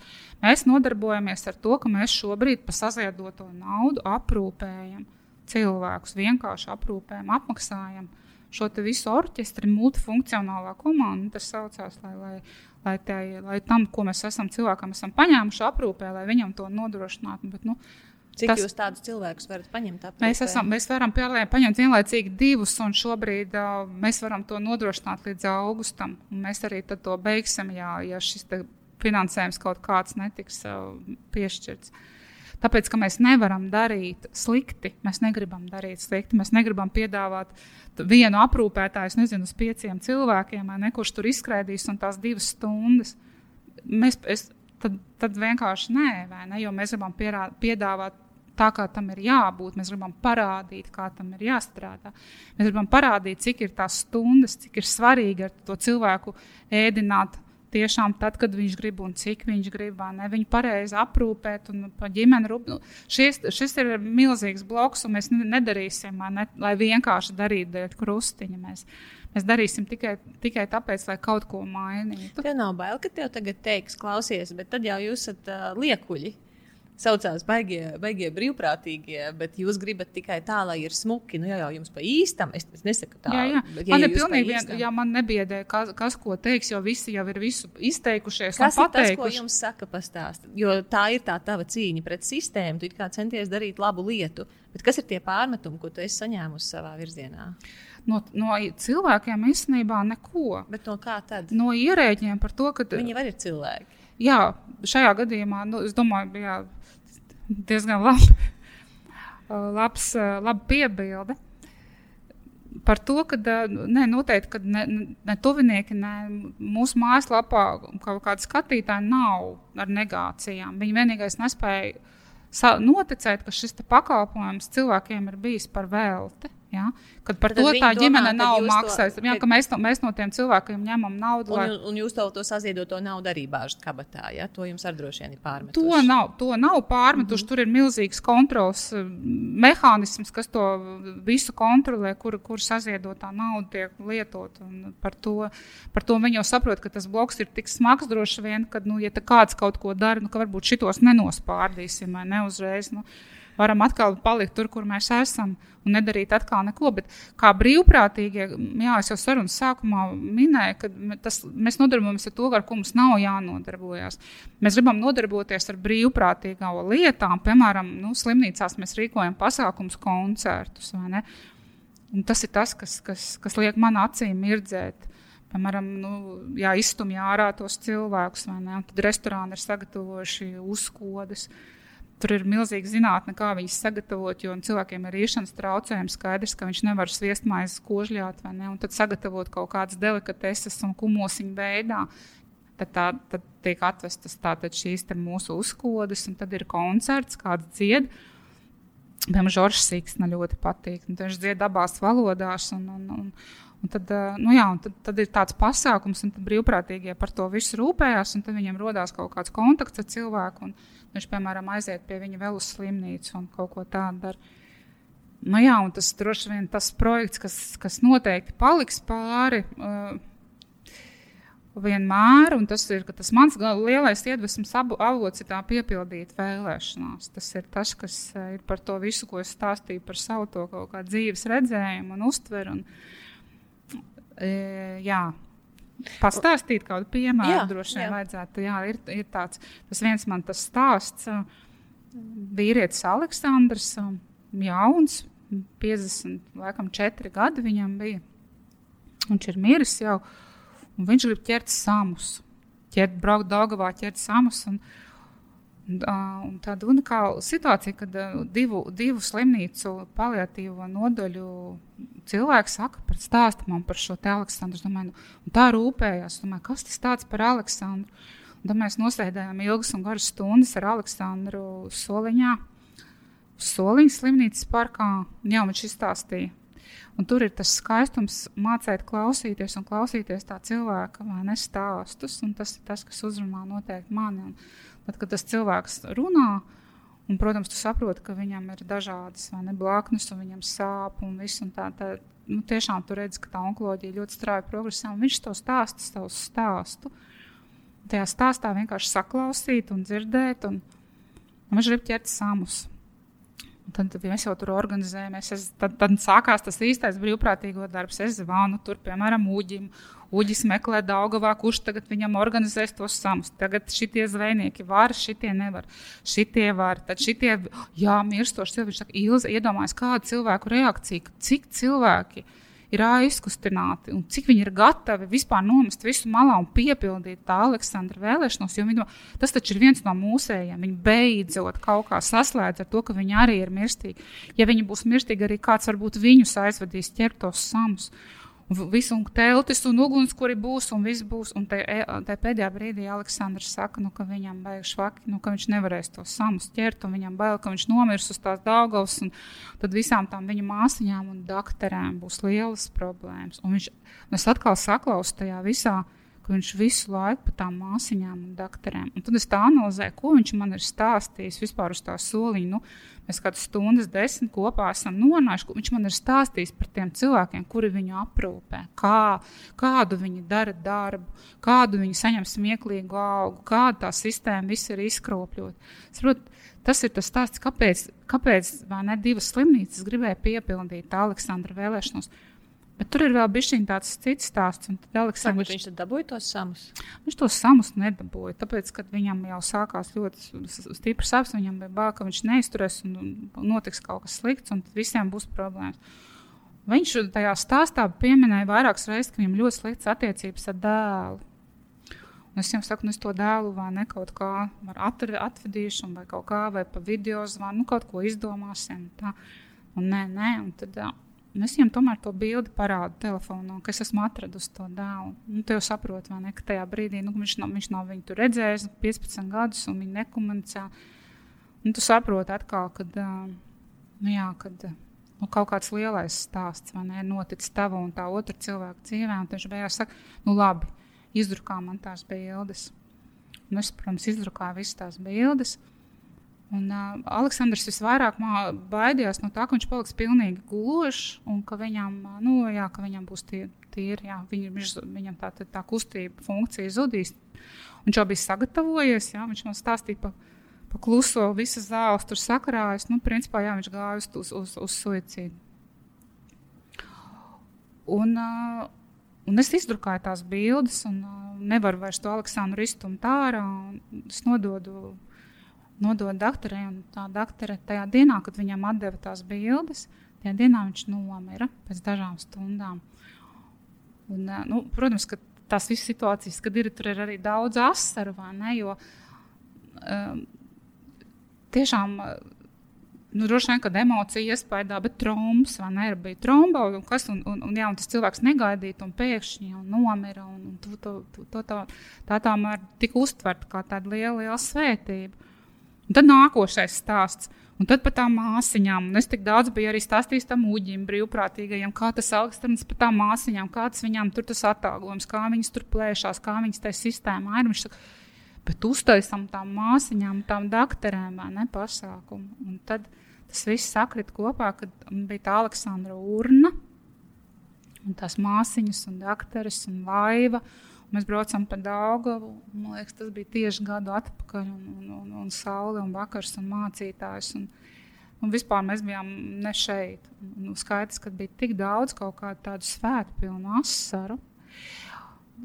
Tas bija kaut kas, ne, ka, ka tie, tie, tas kolektīvs, tie cilvēki, kas vienmēr bija kaut, kā, kaut kādā tādā pabērna romā, vai ne tādi aprūpētāji, un kas no viņu, un viņi ir kaut kādas zemākas šķiras, vai ne, ka viņi bija tajā goda vietā, un pa visu bija padomāts, un bija tik skaists tas, tas, tas, tas Aleksandra piemiņas pasākums. Un, Un, respektīvi, tas brīvprātīgo darbs, kā tu redzi par un ap to hospisu, viņš absolūti viņš ir tik milzīgs. Tur var darīt un darīt, un cilvēki grib braukt uz aglonu. Nu, Iedomājieties, tas jau nav parasts brauciens uz aglonu. Iesēdināsim mašīnā, aizvedīsim. Aizvedīsim, jā. tas ir milzīgs pasākums, un ko tu, un cik tu pats tajā visā gūsti? Mm. Vai cik es gūstu tad, kad es eju piemēram, tajā slimnīcas nu, istabiņā, kur ir viens pats tas gulošais puisis, man tā, tā, tā aina ir, un viņš ir absolūti paralizēts. Un, Viņam tas stāsts ir tāds, ka viņš ir pārdozējis, vai ne? Un viņš bija komā, nav nekādu vispār cerību, kad, kad viņam jebkādas funkcijas atgriezīsies. Nu, viņš ir principā gulošs, un, un, un viņam nav runas funkcija, nekas. Un viņš ir atteicies ēst. Un tad mēs ienākam atkal tiem saviem gardumiem. Mums saucās tas pasākums prieka rati, ka mēs viņus cienājam, tos cilvēkus. Un, un viss tas mūsu brīvprātīgo kolektīvs dodas uz nākošajām istabām. Un es palieku ar to puisi.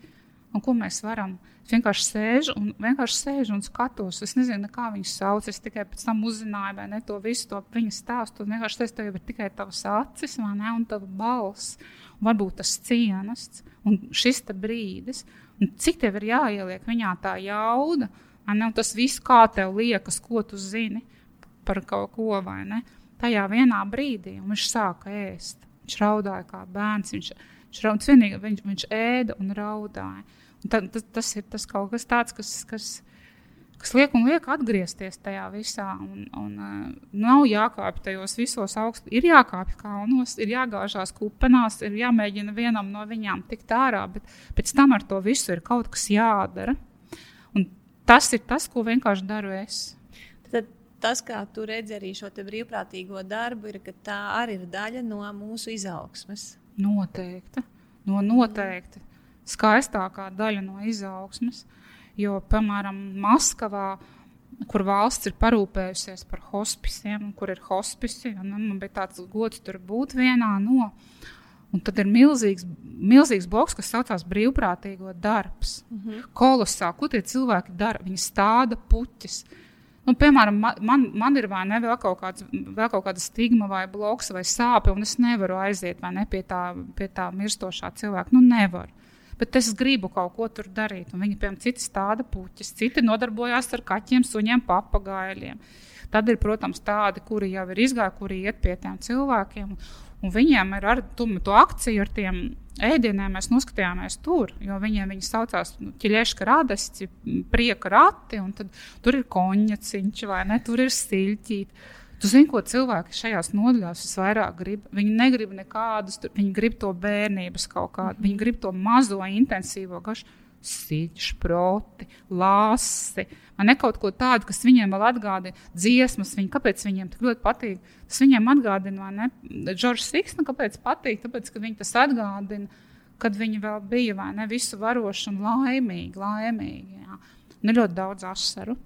Mm. Principā ļoti. Un cilvēki ir tik atvērti, un ar viņiem ir tādas sarunas, tik dziļas. Ja viņas ir, jo tādas sarunas pa neko nav. Tāpēc tad, tad sanāk, ka viens tāds bloks, kas ir cilvēkiem virsū, pagaidi, paga, ja es tur kļūšu par brīvprātīgo, man būs visiem tiem mirstošiem cilvēkiem tagad dibens jāmazgā. Nu, man liekas, ka tas ir viens no tām lielajām bailēm, ka man to visu vajadzēs darīt, bet tu, mē, tu tagad rādi, ka tu vari joprojām darīt to, kas tev patīk, vienlaicīgi, jeb der, vienlaicīgi veidā, kas iepriecina otru cilvēku. To, kurš pats to nevar vairs, un tev atdod tik daudz atpakaļ. Ja Jā. tev patīk dārsts, ņemšanās par dārzu, ja tajā hospicā vai nezinu, pie slimnīcas augt tur tā doba, iestādīt to puķi, tas arī dos to prieku tam cilvēkam. Ja tev patīk sagādāt foršu ēdienu, tu māki cept, uzcept kaut ko, un tad tieši tā Un kur tu vēl dabūsi tādu atpakaļ sajūtu? Es atceros, Stutgartē, hospicā bija viens šefpavārs, slavens. Viņš tur nāk vienreiz nedēļā un cep kaut ko. Visos hospicos ir virtuves, lai viss smaržo. Tur nesmaržo ja, pēc, pēc medikamentiem vai pēc urīna, tur smaržo pēc mājām.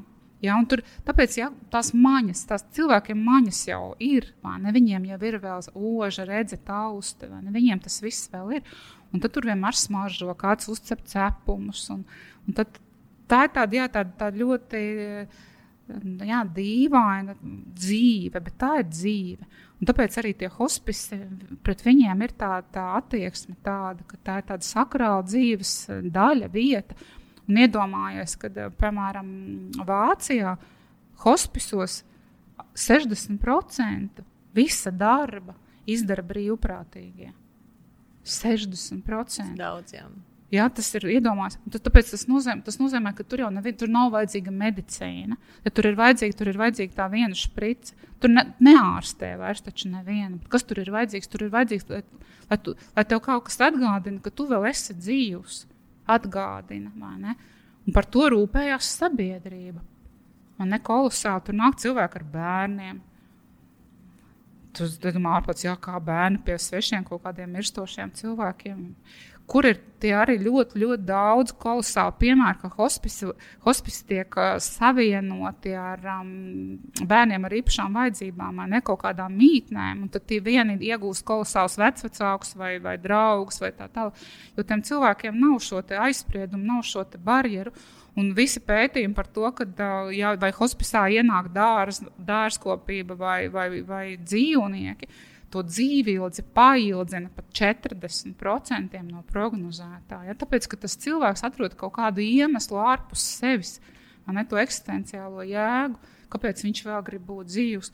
Un tad iedomājies, šo visu saliekot kopā, es gribētu nomirt hospicā. Es gribētu, lai man ir nevar redzēt, vai ne, mūsu skatītāji, cik ir kolosāls skats pa logu. Ne, kur ir kaut kāds augsts, kur ir kaut kāda dzīve. Hospitālā mums jāpastāsta, ka mēs atrodamies kolosālās telpās. Lielas paldies par to, ka mums viņas piedāvāja. Vienkārši tas iekārtojums, kur tu esi sajūsmā, ka uh, tas pirmais stāvs, cik ļoti tas atbilst šiem cilvēku vajadzībām, mirstošo cilvēku vajadzībām. Mūsu visu kādreiz mirstošo vajadzībām. Jā, šis te visu laiku, kad mēs pārliekam uz kaut kādiem cilvēkiem. Jā, tas, it kā tas tās... mums neatīkos. Es te runāju tā, it kā jā, ir tie cilvēki, kuri mirst, un tad esmu nemirstīgā es. Tāpēc jā, tā, tā, tā austrumu filozofija ļoti, jā, man patīk tās lietas, kas tur ir, ka katra mūsu ielpa un izelpa mūs pietuvina tai nāvei. Katra. Tad nu, pastāsti, ņemot vērā to, ka Katra mana ielpa, katra mana izelpa, katra mūsu klausītāja, skatītāja ielpa un izelpa pietuvina mūs visus nāvei. Kas ir tas, ko mēs varam darīt? Un tāds nu, reāls, lai mēs uzlabojam to situāciju, ka mēs iespējams mirstam labākos apstākļos nekā šobrīd cilvēki mirst labākos apstākļos, jo mēs mirsim. Tas ir skaidrs. Ja nu viens ir skaidrs, tad tas noteikti ir skaidrs. Iedizainēt, iedizainēt savu tuvinieku un savu personīgo nāvi, aiziešanu. Mēģināt to ļoti racionāli, konstruktīvi iztēloties. Vislabākās, skaistākās mājas, mana māja, piemēram, nav dizainēta tam, lai ar gultu mani kaut kur vai tevi vai izstumtu ārā. Viņas nav tam paredzētas. Mēs neceļam mājas ne, ar, ar tādām durvju ailēm. Mums nekur neviena tur nevar izstumt. Ja, un, un tagad iesdizainē to, ka tu guli gultā, nezinu, kādā, jebkādā pusgadu, gadu, divus vienkārši guli. Par ko stāsta man arī tie, tie, tie slimnieki, ka tas trakums ir, ja tev nav nekāda saikne vairāk ar, ar, ar dabu, ne ar to, kas notiek apkārt. Kas notiek, ka, piemēram, cilvēkam, kas ir trīs mēnešus nogulējis, ja kādā nodaļā atnes lapas, rudenī smaržojušas, tur redzētu, vispār vienkārši atnes lapas, kaut kādas citas smaržas, kaut ko no dabas. Uh, Es atceros, kad man draudzene mira. Viņai vislielākais prieks bija, ka, ka viņu varēja iznest ārā. Jā. No, viņai neko nevajadzēja. nevajadzēja. Nevajadzēja viņai ne tur svētkus, neko vienkārši pabūt dārzā starp savām puķēm. Par ko ir stāsts? Mm. Kā, tu, kā mēs tiksim līdz puķēm? Kā mēs tiksim līdz tiem saviem ja dārziem? Jūs netiksiet ārā, jūs neviens nenesīs. Vispār pēc standartiem mēs visur visu standartizējam. Sieviete var celt 7 kg, vīrietis 10 kg. Mm. Kas notiks vēl pēc 20, 30 gadiem, ja nebūs šī sistēma, kas ir tam paredzēta? Hospicā attaisno durvis, viss ar gultām tiek izstumti ārā, saldējumu atnes vai ne tauriņu lido. Visos gada laikos stumj ārā. Ir tās speciālās termo vai ne segas, un tos cilvēkus stumj ārā. Viņi ir ārā. Jā, tas stumj nevis lai sodītu, bet viņi grib būt ārā. Viņi grib būt ārā, jo, piemēram, paliatīvās nodaļās cilvēki es domāju, kāpēc viņi visi prasa uzpīpēt? Jā. Lai būtu ārā. Ja? Ja, un pēc tam saprotu, iedomājieties, tur viss tie vadi, viss kasti, viss tur vai ne kateti, viss dabūna viņu tagad tur tajos ratos iekšā izmēra. Viņi tā kā nepīpē. Protams, ka viņi nepīpē. Viņi neviens nekad tur ārā neizstums. Nu, jo viņi tur dabūt iekšā, ja ir kāda pusstunda. Kurš par to nodarbosies?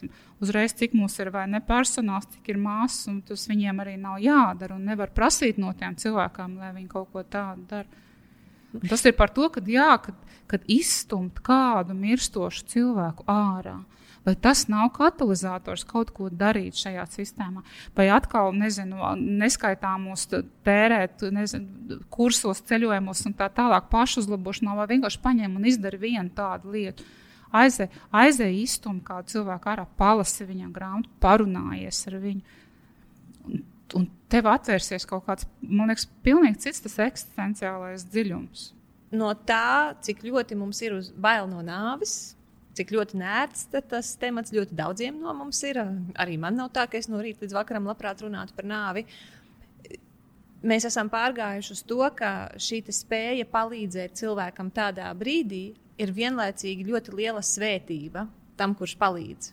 Tur redzi, vai mēs runājām par nāvi? Mēs vispār nerunājām par nāvi. Mēs runājām par to milzīgo, kolosālo posmu, kas ir līdzi. Man ne, ka cilvēks savēl visu savu bilanci un tuvinieki un tā tālāk. Un kā, kā šo procesu nodizainēt un izdarīt maksimāli patīkamu, nezinu, Latvijas kaut kāds tas vārds jāpiemeklē. Tiešām, lai nokārtotu attiecības un arī sakārtot attiecības ar to attiecīgo cilvēku, mēs vispār nerunājām par nāvi. Par nāvi neviens negrib runāt. Mēs runājām par kvalitatīvu dzīvi pēc iespējas ilgāk. Jā. Brīdī, kur tev praktiski šajos apstākļos Latvijā kvalitatīva dzīve nu, nav pieejama nav pieejama kvalitatīva dzīve, ja vien tev, tev nav ļoti paveicies ar, ar diagnozi un tu nenomirsti mājās, ģimenes lokā ar kādu mediķi. Pazotē, un, un, un tiešām tā ģimene to var novadīt. Bet tie ir ļoti, ļoti maz, maz, maz gadījumu skaits pārējā, pārējā visā tev ir vajadzīgs sistēmas atbalsts. Tu taču nevari izdomāt, ka es tagad piedzemdēšu bērnu vai ne bez sistēmas atbalsta. Nu, iedomājies to visu, vai ne? Zemniecības, visu šo milzīgo mehānismu, kas mm. tev ir mm. vajadzīgs, novērošana, sagatavošanās ģimenes, ko tu visu gatavo, lai bērniņš ienāktu tavā dzīvē. Un kāpēc mēs domājam, ka ir kaut kas cits ar to otro nogriezni? Jo vienmēr visos tūkstošiem, tūkstošiem gadu sabiedrība ir atbalstījusi cilvēku šajos divos posmos. Ir milzīga arī kultūra, kas saucās tieši tā aiziešanas, miršanas par un ap šo te kas arī ir sagatavošanās, procesa novadīšana, atbalsts ģimenei un vispārējais milzīgs blokus. Ilzi, man te jautājums ir par tiem brīvprātīgajiem. Kā tu esi pieredzējusi, ka šī darbošanās hospisā maina brīvprātīgos, ka tas ir viņu ieguvums? Tev varbūt ir kāds stāsts. Nē, nu, tas ir mans personīgais stāsts. Es, es par citiem nezinu. Es, es tikai uh, Es tikai vēroju cilvēkus un, un, un uh, ko tas maina. Tas noteikti maina uh, praktiski ne, attieksmi pret, pret, pret, pret nāvi un pret, pret miršanas procesu kā tādu. Brīvprātīgo darbs, pirmkārt, neviens brīvprātīgais nevar trīs, četri izdomāt, ka viņš būs brīvprātīgais. Ir tomēr sirds un sistēma, kas iz, izfiltrē, vai viņš vispār var būt brīvprātīgais. Un otrkārt, ir jāmācās ja ir kursi, tas ir vesels četras sestdienas, ir jāsēž un jāklausās šīs lieliskākās, fantastiskākās dzīves uh, skolas lekcijas ne, par un ap šo procesu bloku, ko es jau minēju. Un tad tu esi brīvprātīgais. Ar šīm zināšanām viņas jau tev paliks. Tu varēsi pēc tam arī saviem tuviniekiem parād, palīdzēt, vai ne, ar padomu kaut vai. Nu, nav obligāti jākļūst par brīvprātīgo, kurš iet slimnīcās, jo brīvprātīgais nav tāds pasīvs rokas turētājs, grāmatas lasītājs un vispār tāds neskāds garīgi, garīgi cilvēks meklējošs. Brīvprātīgais ir arī grāmatvedis, jurists, kurš var atnākt un nofotografēt akciju, kurš var nofilmēt kurš var veidot, palīdzēt, veidot ar jebko, ko es māku, veidot šo sistēmu. Tur ir, mums ir vajadzīgs pilnīgi viss.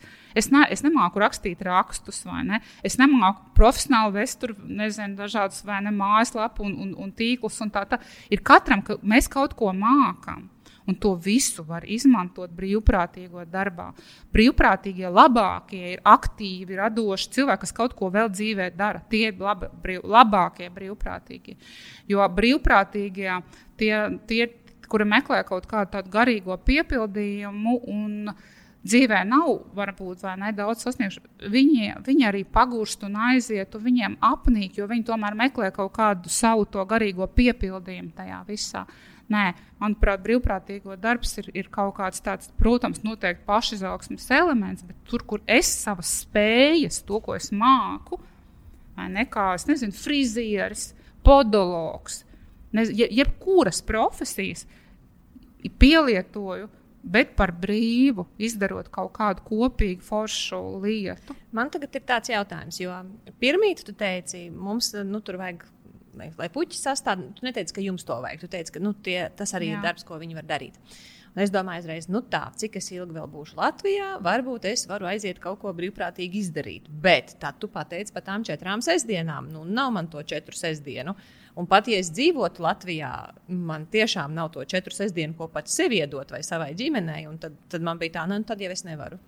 Nē, nē, tas ir, ja, lai tu, ja tu nāktu slimnīcā iekšā, ja, tāpēc, lai, lai tu kļūtu par brīvprātīgo, kurš faktiski iet pie slima cilvēka kontaktā, jā, sarunās, viss pārējais nav tev jāiet nekādu kursu protams, ka tu vari kolosāli palīdzēt no, nezinu, no Šveices vai no kurienes stāstot par šo ideju. Kopā attīstot, meklējot, es nezinu, atrodam zemes gabalu vai ne, atrodam, kas mums, kur mēs dabūsim, vai ne, pēc tam naudu celtniecībai un tā tālāk. Vispār sapnis ir uztaisīt pirmo leģendāro to hospisu, vai ne, ar bezmaksas, protams, uzturēšanos tiem cilvēkiem, kaut kādiem pirmajiem. Jo mēs nevaram spriest par to, ko mēs vispār eh, nesaprotam, kamēr tas hospice nav taustāms un šeit un tagad. Tāpēc tur ir vajadzīgs viss - arhitektūra, ne, nolīdz, jebkas. Nu, labi, un tad. Um... Uh, tu teici, jūs pārtiekat, nevis jūs pārtiekat, bet jūs šo darbu varat darīt ar ziedojumiem. Un ne jau jūs tos ziedojumus liekat sev kabatā, bet jūs viņus novirziet šiem mirstošo cilvēku dzīves kvalitātes uzlabošanai. Uh, Kā ir ar tiem ziedojumiem? Kāpēc cilvēkiem ir izdevīgi arī naudu ziedot, tu kā finansiste? Cilvēkiem, kā fiziskām personām, naudu ziedot, ir, nu, protams, tas ir kaut kāds tāds morāls žests, bet juridiskai personai. Mēs runājam par juridiskām personām, un to nezinu. Lielais vairums uzņēmēju, kad tātad, ja viņi maksā peļņas nodokli, uzņēmuma ienākumu nodokli, tad viņi var no šī nodokļa 30% ziedot. Uh mhm. -huh. Tas nozīmē, ko, ka tev ir principā pāris procentu atšķirība. Vai nu tu maksā valsts budžetā, vai nu tu maksā organizācijām, kurām ir piešķirts šis sabiedriskā labuma status. Tas nozīmē, ka tu esi pelnošs uzņēmums, tu maksā nodokli, un daļu no nodokļa tu maksā sev svarīgā sfērā, un pats arī viņu kontrolē, lūdzu? Tāpēc mūsu jau tas darbs lielais vairums mūsu naudas līdzekļu ir no juridiskām personām. Ja? Jo, kā mēs runājam, Covid-19, protams, cilvēki ziedoja mediķiem un viss vi, vis gāja uz urā, jo tur bija kaut kāda cita vai ne tā, citā motivācija. Tad šobrīd, protams, kaut kādu mistisku. Mirstošu cilvēku aprūpei, kas mani nekādīgi neskar, nu, kā domā, vai ne? Lielais vairums sabiedrības.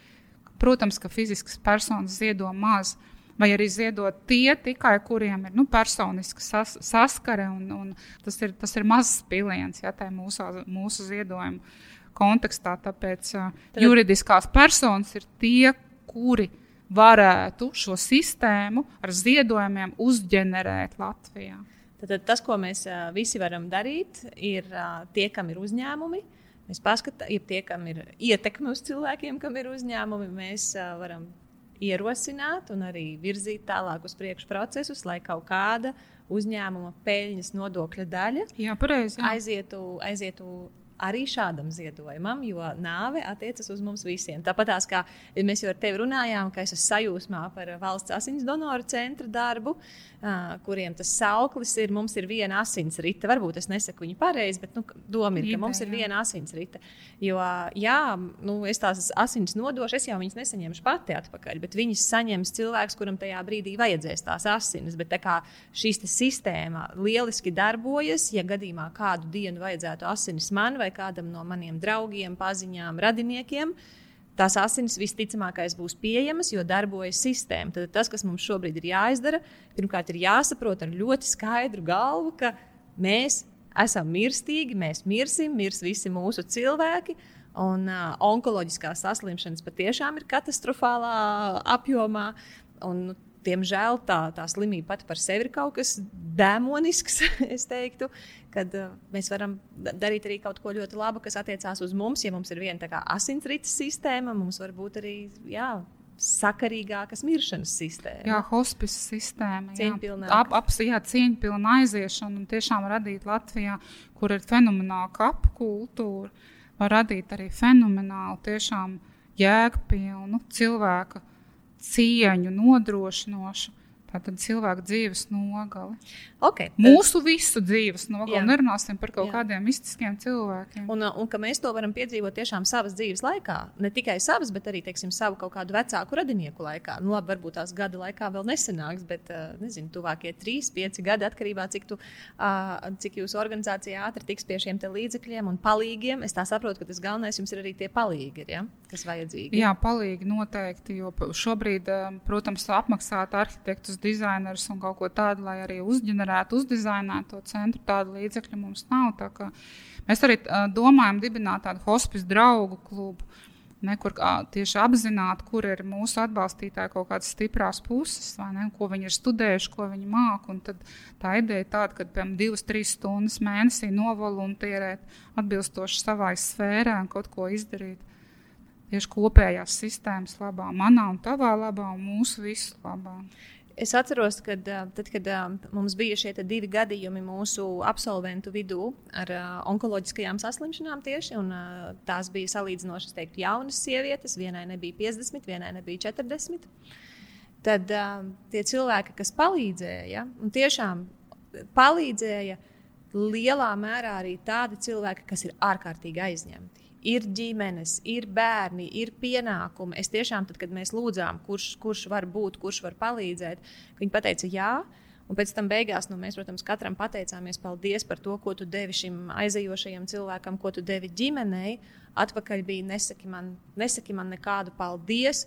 Paldies, ka man bija šī iespēja ar to, ko es ieguvu, to darot. Tas, tās, tā, tā, tas saviņojums, tas aizkustinājums, tā izaugsme, kas notika šajā cilvēkā, ļoti liela. Un tāpēc es tev uzdošu tagad jautājumu, ko var darīt cilvēks, kurš varbūt atradīs iespēju no uzņēmuma kaut kādu daļu peļņas, šī nodokļa novirzīt jums.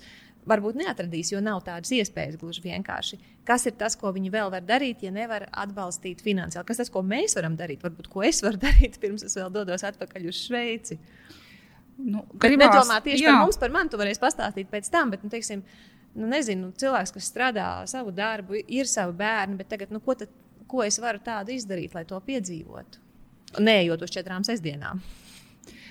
Jā, neejot uz četrām, ne tās četras sestdienas nav tikai lai darītu brīvprātīgo darbu, tas ir tiešām, lai vispār kaut ko uh, iegūtu, noteikti iegūtu. Tātad šis cilvēks iegūs arī sev. sev ja? Protams, tās mm -hmm. ir fantastiskākās zināšanas, kuras nav obligāti. Jā. Neviens neprasa izmantot brīvprātīgo Jā. darbā. Tas ir tā, tā, tā ir dzīves skola noteikti. Un uh, ar šīm zināšanām vien būs daudz jēgpilnāka palīdzība sērās Ne, vai tieši tajā aiziešanas brīdī? Es to visu saprotu, bet es ļoti aizņemts cilvēks. Tu esi aizņemts cilvēks, tev nav tās sestdienas, un tu neko. Es runāju par daudziem. Tur, jā, jā, un tev nebūs tās sestdienas un tā tālāk. Jā, tad viss skaidrs, jā, bet uh, par, par to, ko var darīt, ir uh, gribās to hospisu. Vai ne? Gribās kā māju. Gribās nevis man, bet vienkārši nu, bez tā nevar. Nu, tad, tad mums ir plāns, jā, kad nu, celsim to hospisu, meklēsim to zemes gabalu, vāksim tos līdzekļus un nu, celsim to māju. Nu, labi, bet tagad uh, es noklausos sarunu ar tevi. Es tagad esmu iedegusies.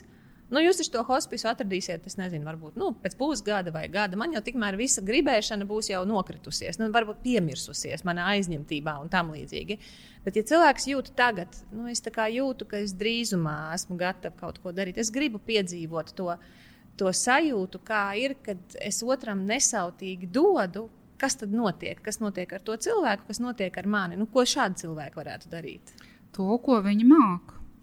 Ja, viens māca grāmatvedību, viens māca juridiskus pakalpojumus sniegt, viens māca fotografēt, un viens māca, piemēram, nagus griezt vai ne. Vai, vai smuku pedikīru uztaisīt, vai frizūru uztaisīt, vai, vai, vai uzcept kūciņu. Un to visu var integrēt un nodot un izdarīt priekšmirstošiem cilvēkiem. Noteikti. Ir fantastiski. Kā rīkoties, kur tagad iet ar vienkārši to? uzrakstīt manu man ziņu vai uzrakstīt uz, uz info hospice LV. Vispār jāiet mājaslapā. Ar diviem S galā. Jā. Hospice, PISS.CLV. CLV, jā, un tad tur ir dažādas iespējas, kur kā iesaistīties. Tur ir arī, protams, opcija pieteikties brīvprātīgo darbam, un noteikti es ar, ar katru sazināšos un meklēsim iespēju, kā iesaistīties. Bet noteikti tas, tas gandarījums un tas saviņojums, ko tu minēji, Ne, ja ir hospice, tad uh, atnāk ģimenes. Mm -hmm. Viņas tur nāk, viņas, Jā. tur, viņas pa tām istabām tur fu funkcionē. Tad tos visus uh, pacientus vai iemītniekus, klientus, viņus, tad ir kopēji pasākumi. Tur ir socializācija, atbrauc tur kaut kāds dziedātājs vai, piemēram, pasaulē tā ir goda lieta. Uh, lasīt lekcijas, kaut kādas, nu, mūsu gadījumā, piemēram, Pēters Kļava vai, ne, vai kurš, vai nu, tādas lekcijas ir jāklausās hospisos. Mm -hmm. Tas viss tur notiek, tie cilvēki nav izolēti, un tāpēc mm -hmm. tie bērni, un tāpēc tas viss tur notiek. Un tagad iedomājies Latviju. Ja, kaut kādu paliatīvo nodaļu, kur tu pirmkārt vispār nevari ne, tikt iekšā, vai chroniskās aprūpes nodaļu, kur seši vienā istabā. Un tas viens varbūt jau ir jau, vai ne? Un viens vēl ēd kotletes, un viens klausās radio, un viens ir interfronte, un viens ir tautas fronte. Un tu zini, paradoks, viņi visi ir vienā istabā. Tiešām. Un tad, es, es to nevaru izstāstīt. Tas droši vien ir kaut kāda mana pārunājumā, ne? kad, kad man ir droši vien tik liels paniskas bailes par to, ka kāds no maniem cilvēkiem, tuvajiem, vai es nonāku šai, šajā, te, kļūst, mani aprīs šī sistēma, mana nāve būs, vai aiziešana ar to visu saistīt. Nu, traģika tāda neizmērojama traģika. Um, tu šobrīd neesi paliatīvajā aprūpē, un tu neesi arī hospisa iemītnieks. Tu esi ļoti dzīves cilvēks, un tu teici, ka nāve. Eh, mēs nerunājam par nāvi, mēs patiesībā runājam par dzīvošanu. Un tad man te tāds jocīgs jautājums būs. Ja tā būtu tava vēlēšanās, izmantojot visus šos iespēju ar cilvēku jaudas klausītājiem, skatītājiem sarunāties, uh, ko tu teiktu, kas tev sagādātu ļoti lielu prieku no visdažādākā klausītāju klāsta, ar visdažādāko rocību, ar visdažādāko traku, nu, līdz pat trakai aizņemtībai, ka nav laika. Par ko tu būtu tiešām aizkustināta un no sirds pateicīga, ja cilvēki tev nāktu un piedāvātu palīdzību. Un, ja tu varētu mums iedot tādu pēc iespējas plašāku klāstu, jo es saprotu, nauda ļoti daudz ko atrisina. Es esmu par to. Es ļoti ceru, ka tie, kas esam uzņēmēji, paskatīsimies, ko mēs varam darīt, lai var tev, var tev finansiāli tavu darbu atbalstīt, tavas organizācijas, jūsu organizācijas darbu atbalstīt. Bet tagad tiem visiem pārējiem, nu, kur ir sajutuši, ka kaut kas iekšā iedzings, tas man ļoti patīk. Tas, uh, ja nemaldos, tas klauns Slava Poluņins, kas viņam teica, dari, dēlē tikai eh, to, atšķiro vnutri dzinkait. Ja, dara tikai to, no kā iekšā kā iezvanās. Un, un kad varbūt kādam ir šobrīd tāds, tāds dzings, pavisam varbūt viegls, bet cilvēkam ir sajūta, nu, es nevaru iziet tās brīvprātīgās sestdienas. Es, nu, centra viņiem vēl nav, puķis es vēl sastādīt nevaru. Varbūt reku, mūsu cilvēkiem nu, izstāsti šī te, šī te, šī te, te pat tās te priekšā. Tad es priecātos par, es priecātos, ja man uzrakstītu, pirmkārt, uz kurieni. Es priecātos, ja mums piedāvātu, ja tu vari izdarīt šo, ja tu vari izdarīt to, nu, pamēģini tā izstāstīt. Es būtu ļoti, ļoti no sirds dziļi pateicīga. tu pirmkārt ieskatītos pats sevi un pateiktu sev, mani sauc, un es mirstu. Un tajā brīdī noteikti radīsies kaut kas, kas iedzingstās, un kaut kas, kas varētu palikt pāri. Es ļoti gribētu tevi par hospisa draugu. Es gribētu, lai tas, ko tu māki, lai tu to pielieto vismaz divas, trīs stundas mēnesī un bez maksas. Piemēram, tu māki griezt matus, un tu dzīvo Daugaupilī. Un tur arī ir paliatīvā nodaļa. Mēs noorganizēsim, ka tu aiziesi un kādai kundzei uztaisīsi pēdējo frizūru vai uztaisīsi skaistu manikīru neredzīgai sievietei. Un tev iedzingstēsies noteikti dziļāk un dziļāk. Un varbūt tu esi grāmatvedis vai jurists. Noteikti tās četras stundas mēnesī mums ir vajadzīgas. Un noteikti, ja tev ir sāpējis, kā ir miris kāds tavs tuvinieks, un tu kaut ko gribētu mainīt tajā procesā, tad tu atradīsi tās stundas, kas ir jāiz, jāaiziet brīvprātīgo apmācību, nāc mūsu pulkā. Un tev būs tā sirsnīgā saruna, tev būs tā grāmata, palasīta priekšā, vai albums apskatīts kopā. Tas, ko tu nepaspēji, neizdarīji, jo tu to darīsi no sirds, jo es to daru no sirds. Mums ir uh, Lotte Vilma Vītiņa, brīnišķīga māksliniece, uzzīmējusi kartiņas. Un uz tām kartiņām ir dzējoļi. Un šīs kartiņas mēs izdalām paliatīvās nodaļās, un cilvēks var uzrakstīt pēdējo vēlēšanos. Un kāds grib aizbraukt uz jūru, varbūt tev ir mašīna, un tu vari sāorganizēt kādam šo pēdējo braucienu kāds grib aizbraukt uz aglonu. Un tas jau būs tāds smagāks, rūpīgāks darbs. Kāds grib saldējumu, kāds grib kādu našķi. Mēs ar ratiem, uz kuriem ir sakrāmēti dažādi gardumi, kumosiņu uzkodu veidā, dodamies pa paliatīvās aprūpes nodaļām un izdāļājam pacientiem. Varbūt tu vari kaut ko uzcept, varbūt tu māki gatavot. Es izstāstīšu, kā. Vienkārši ne, ne, nenoliec šo te uz rītdienu, bet nāc un dari. Jo kopā mēs audīsim tādu milzīgu, milzīgu audeklu. Latvijas hospisu sistēmu. Latvija noteikti būs labākā vieta, no kurienes turpināt ceļu mūžībā. Nāc un kļūst par hospisa draugu ja tu jūti, ka tas viss tevi uzrunā, ieej mājaslapā Hospice LV ar divi burtēs, aizpildi anketu, un mēs saņemsim no tevis ēpastu. Uzrakstu tur savu telefonu, mēs tev noteikti atzvanīsim. Tu mums esi ļoti vajadzīgs. Ir kāda lieta, ko es esmu izlēmusi, ko es uh, izdarīšu tuvāko 24 stundu laikā. Es aizpildīšu anketu es sarakstīšu to, ko es tur māku. Tas man vēl neuzliek pienākumu, ka es tās lietas obligāti darīšu hospisam. Jo varbūt pēc 48 stundām viss mana labsirdība būs izgaisusi skurstenī, un es vairs neko viņiem negribēšu darīt. Bet šobrīd es atļaušos sekot tam iekšējam impulsam, ka es jau varu piedāvāt, un es varu piedāvāt izdarīt to, ko es varu izdarīt, kas man nenodarīs pāri, un uh, es varu būt pietiekami uh, drosmīgs, saprātīgs cilvēks, kurš atsakās no maiņticības, ka, ja es uzrakstīšu hospisam, tad, tad obligāti man kāds nomirs tūlītās. Man kāds nomirs tūlītās vai vēlāk, tāpēc, ka vienkārši mēs visi esam mirstīgi, bet nevis tāpēc, ka es uzrakstīju hospisam. Un, uh, pēc tam es paskatīšos, es paskatīšos, ko viņi man atbildēs. Es atstāju sev arī tiesības pēc laika pateikt, ziniet, es pārvērtēju sevi. Es īstenībā nespēju tās lietas izdarīt. Es ļoti atvainojos, ka es uh, paņēmu jūsu laiku. Ja gadījumā es kādreiz jutīšu, atkal, ka es varu to izdarīt, es atkal piedāvāšu. Es, es tiešām atvainojos.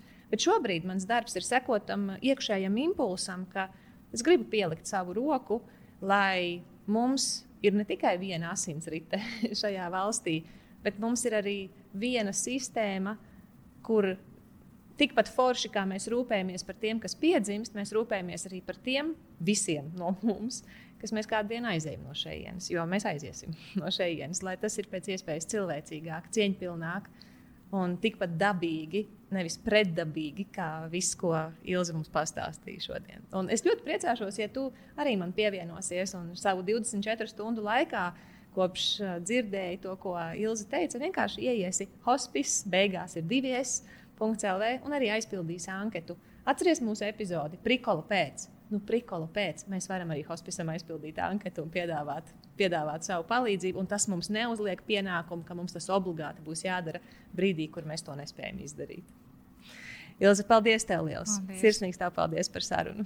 Paldies, paldies!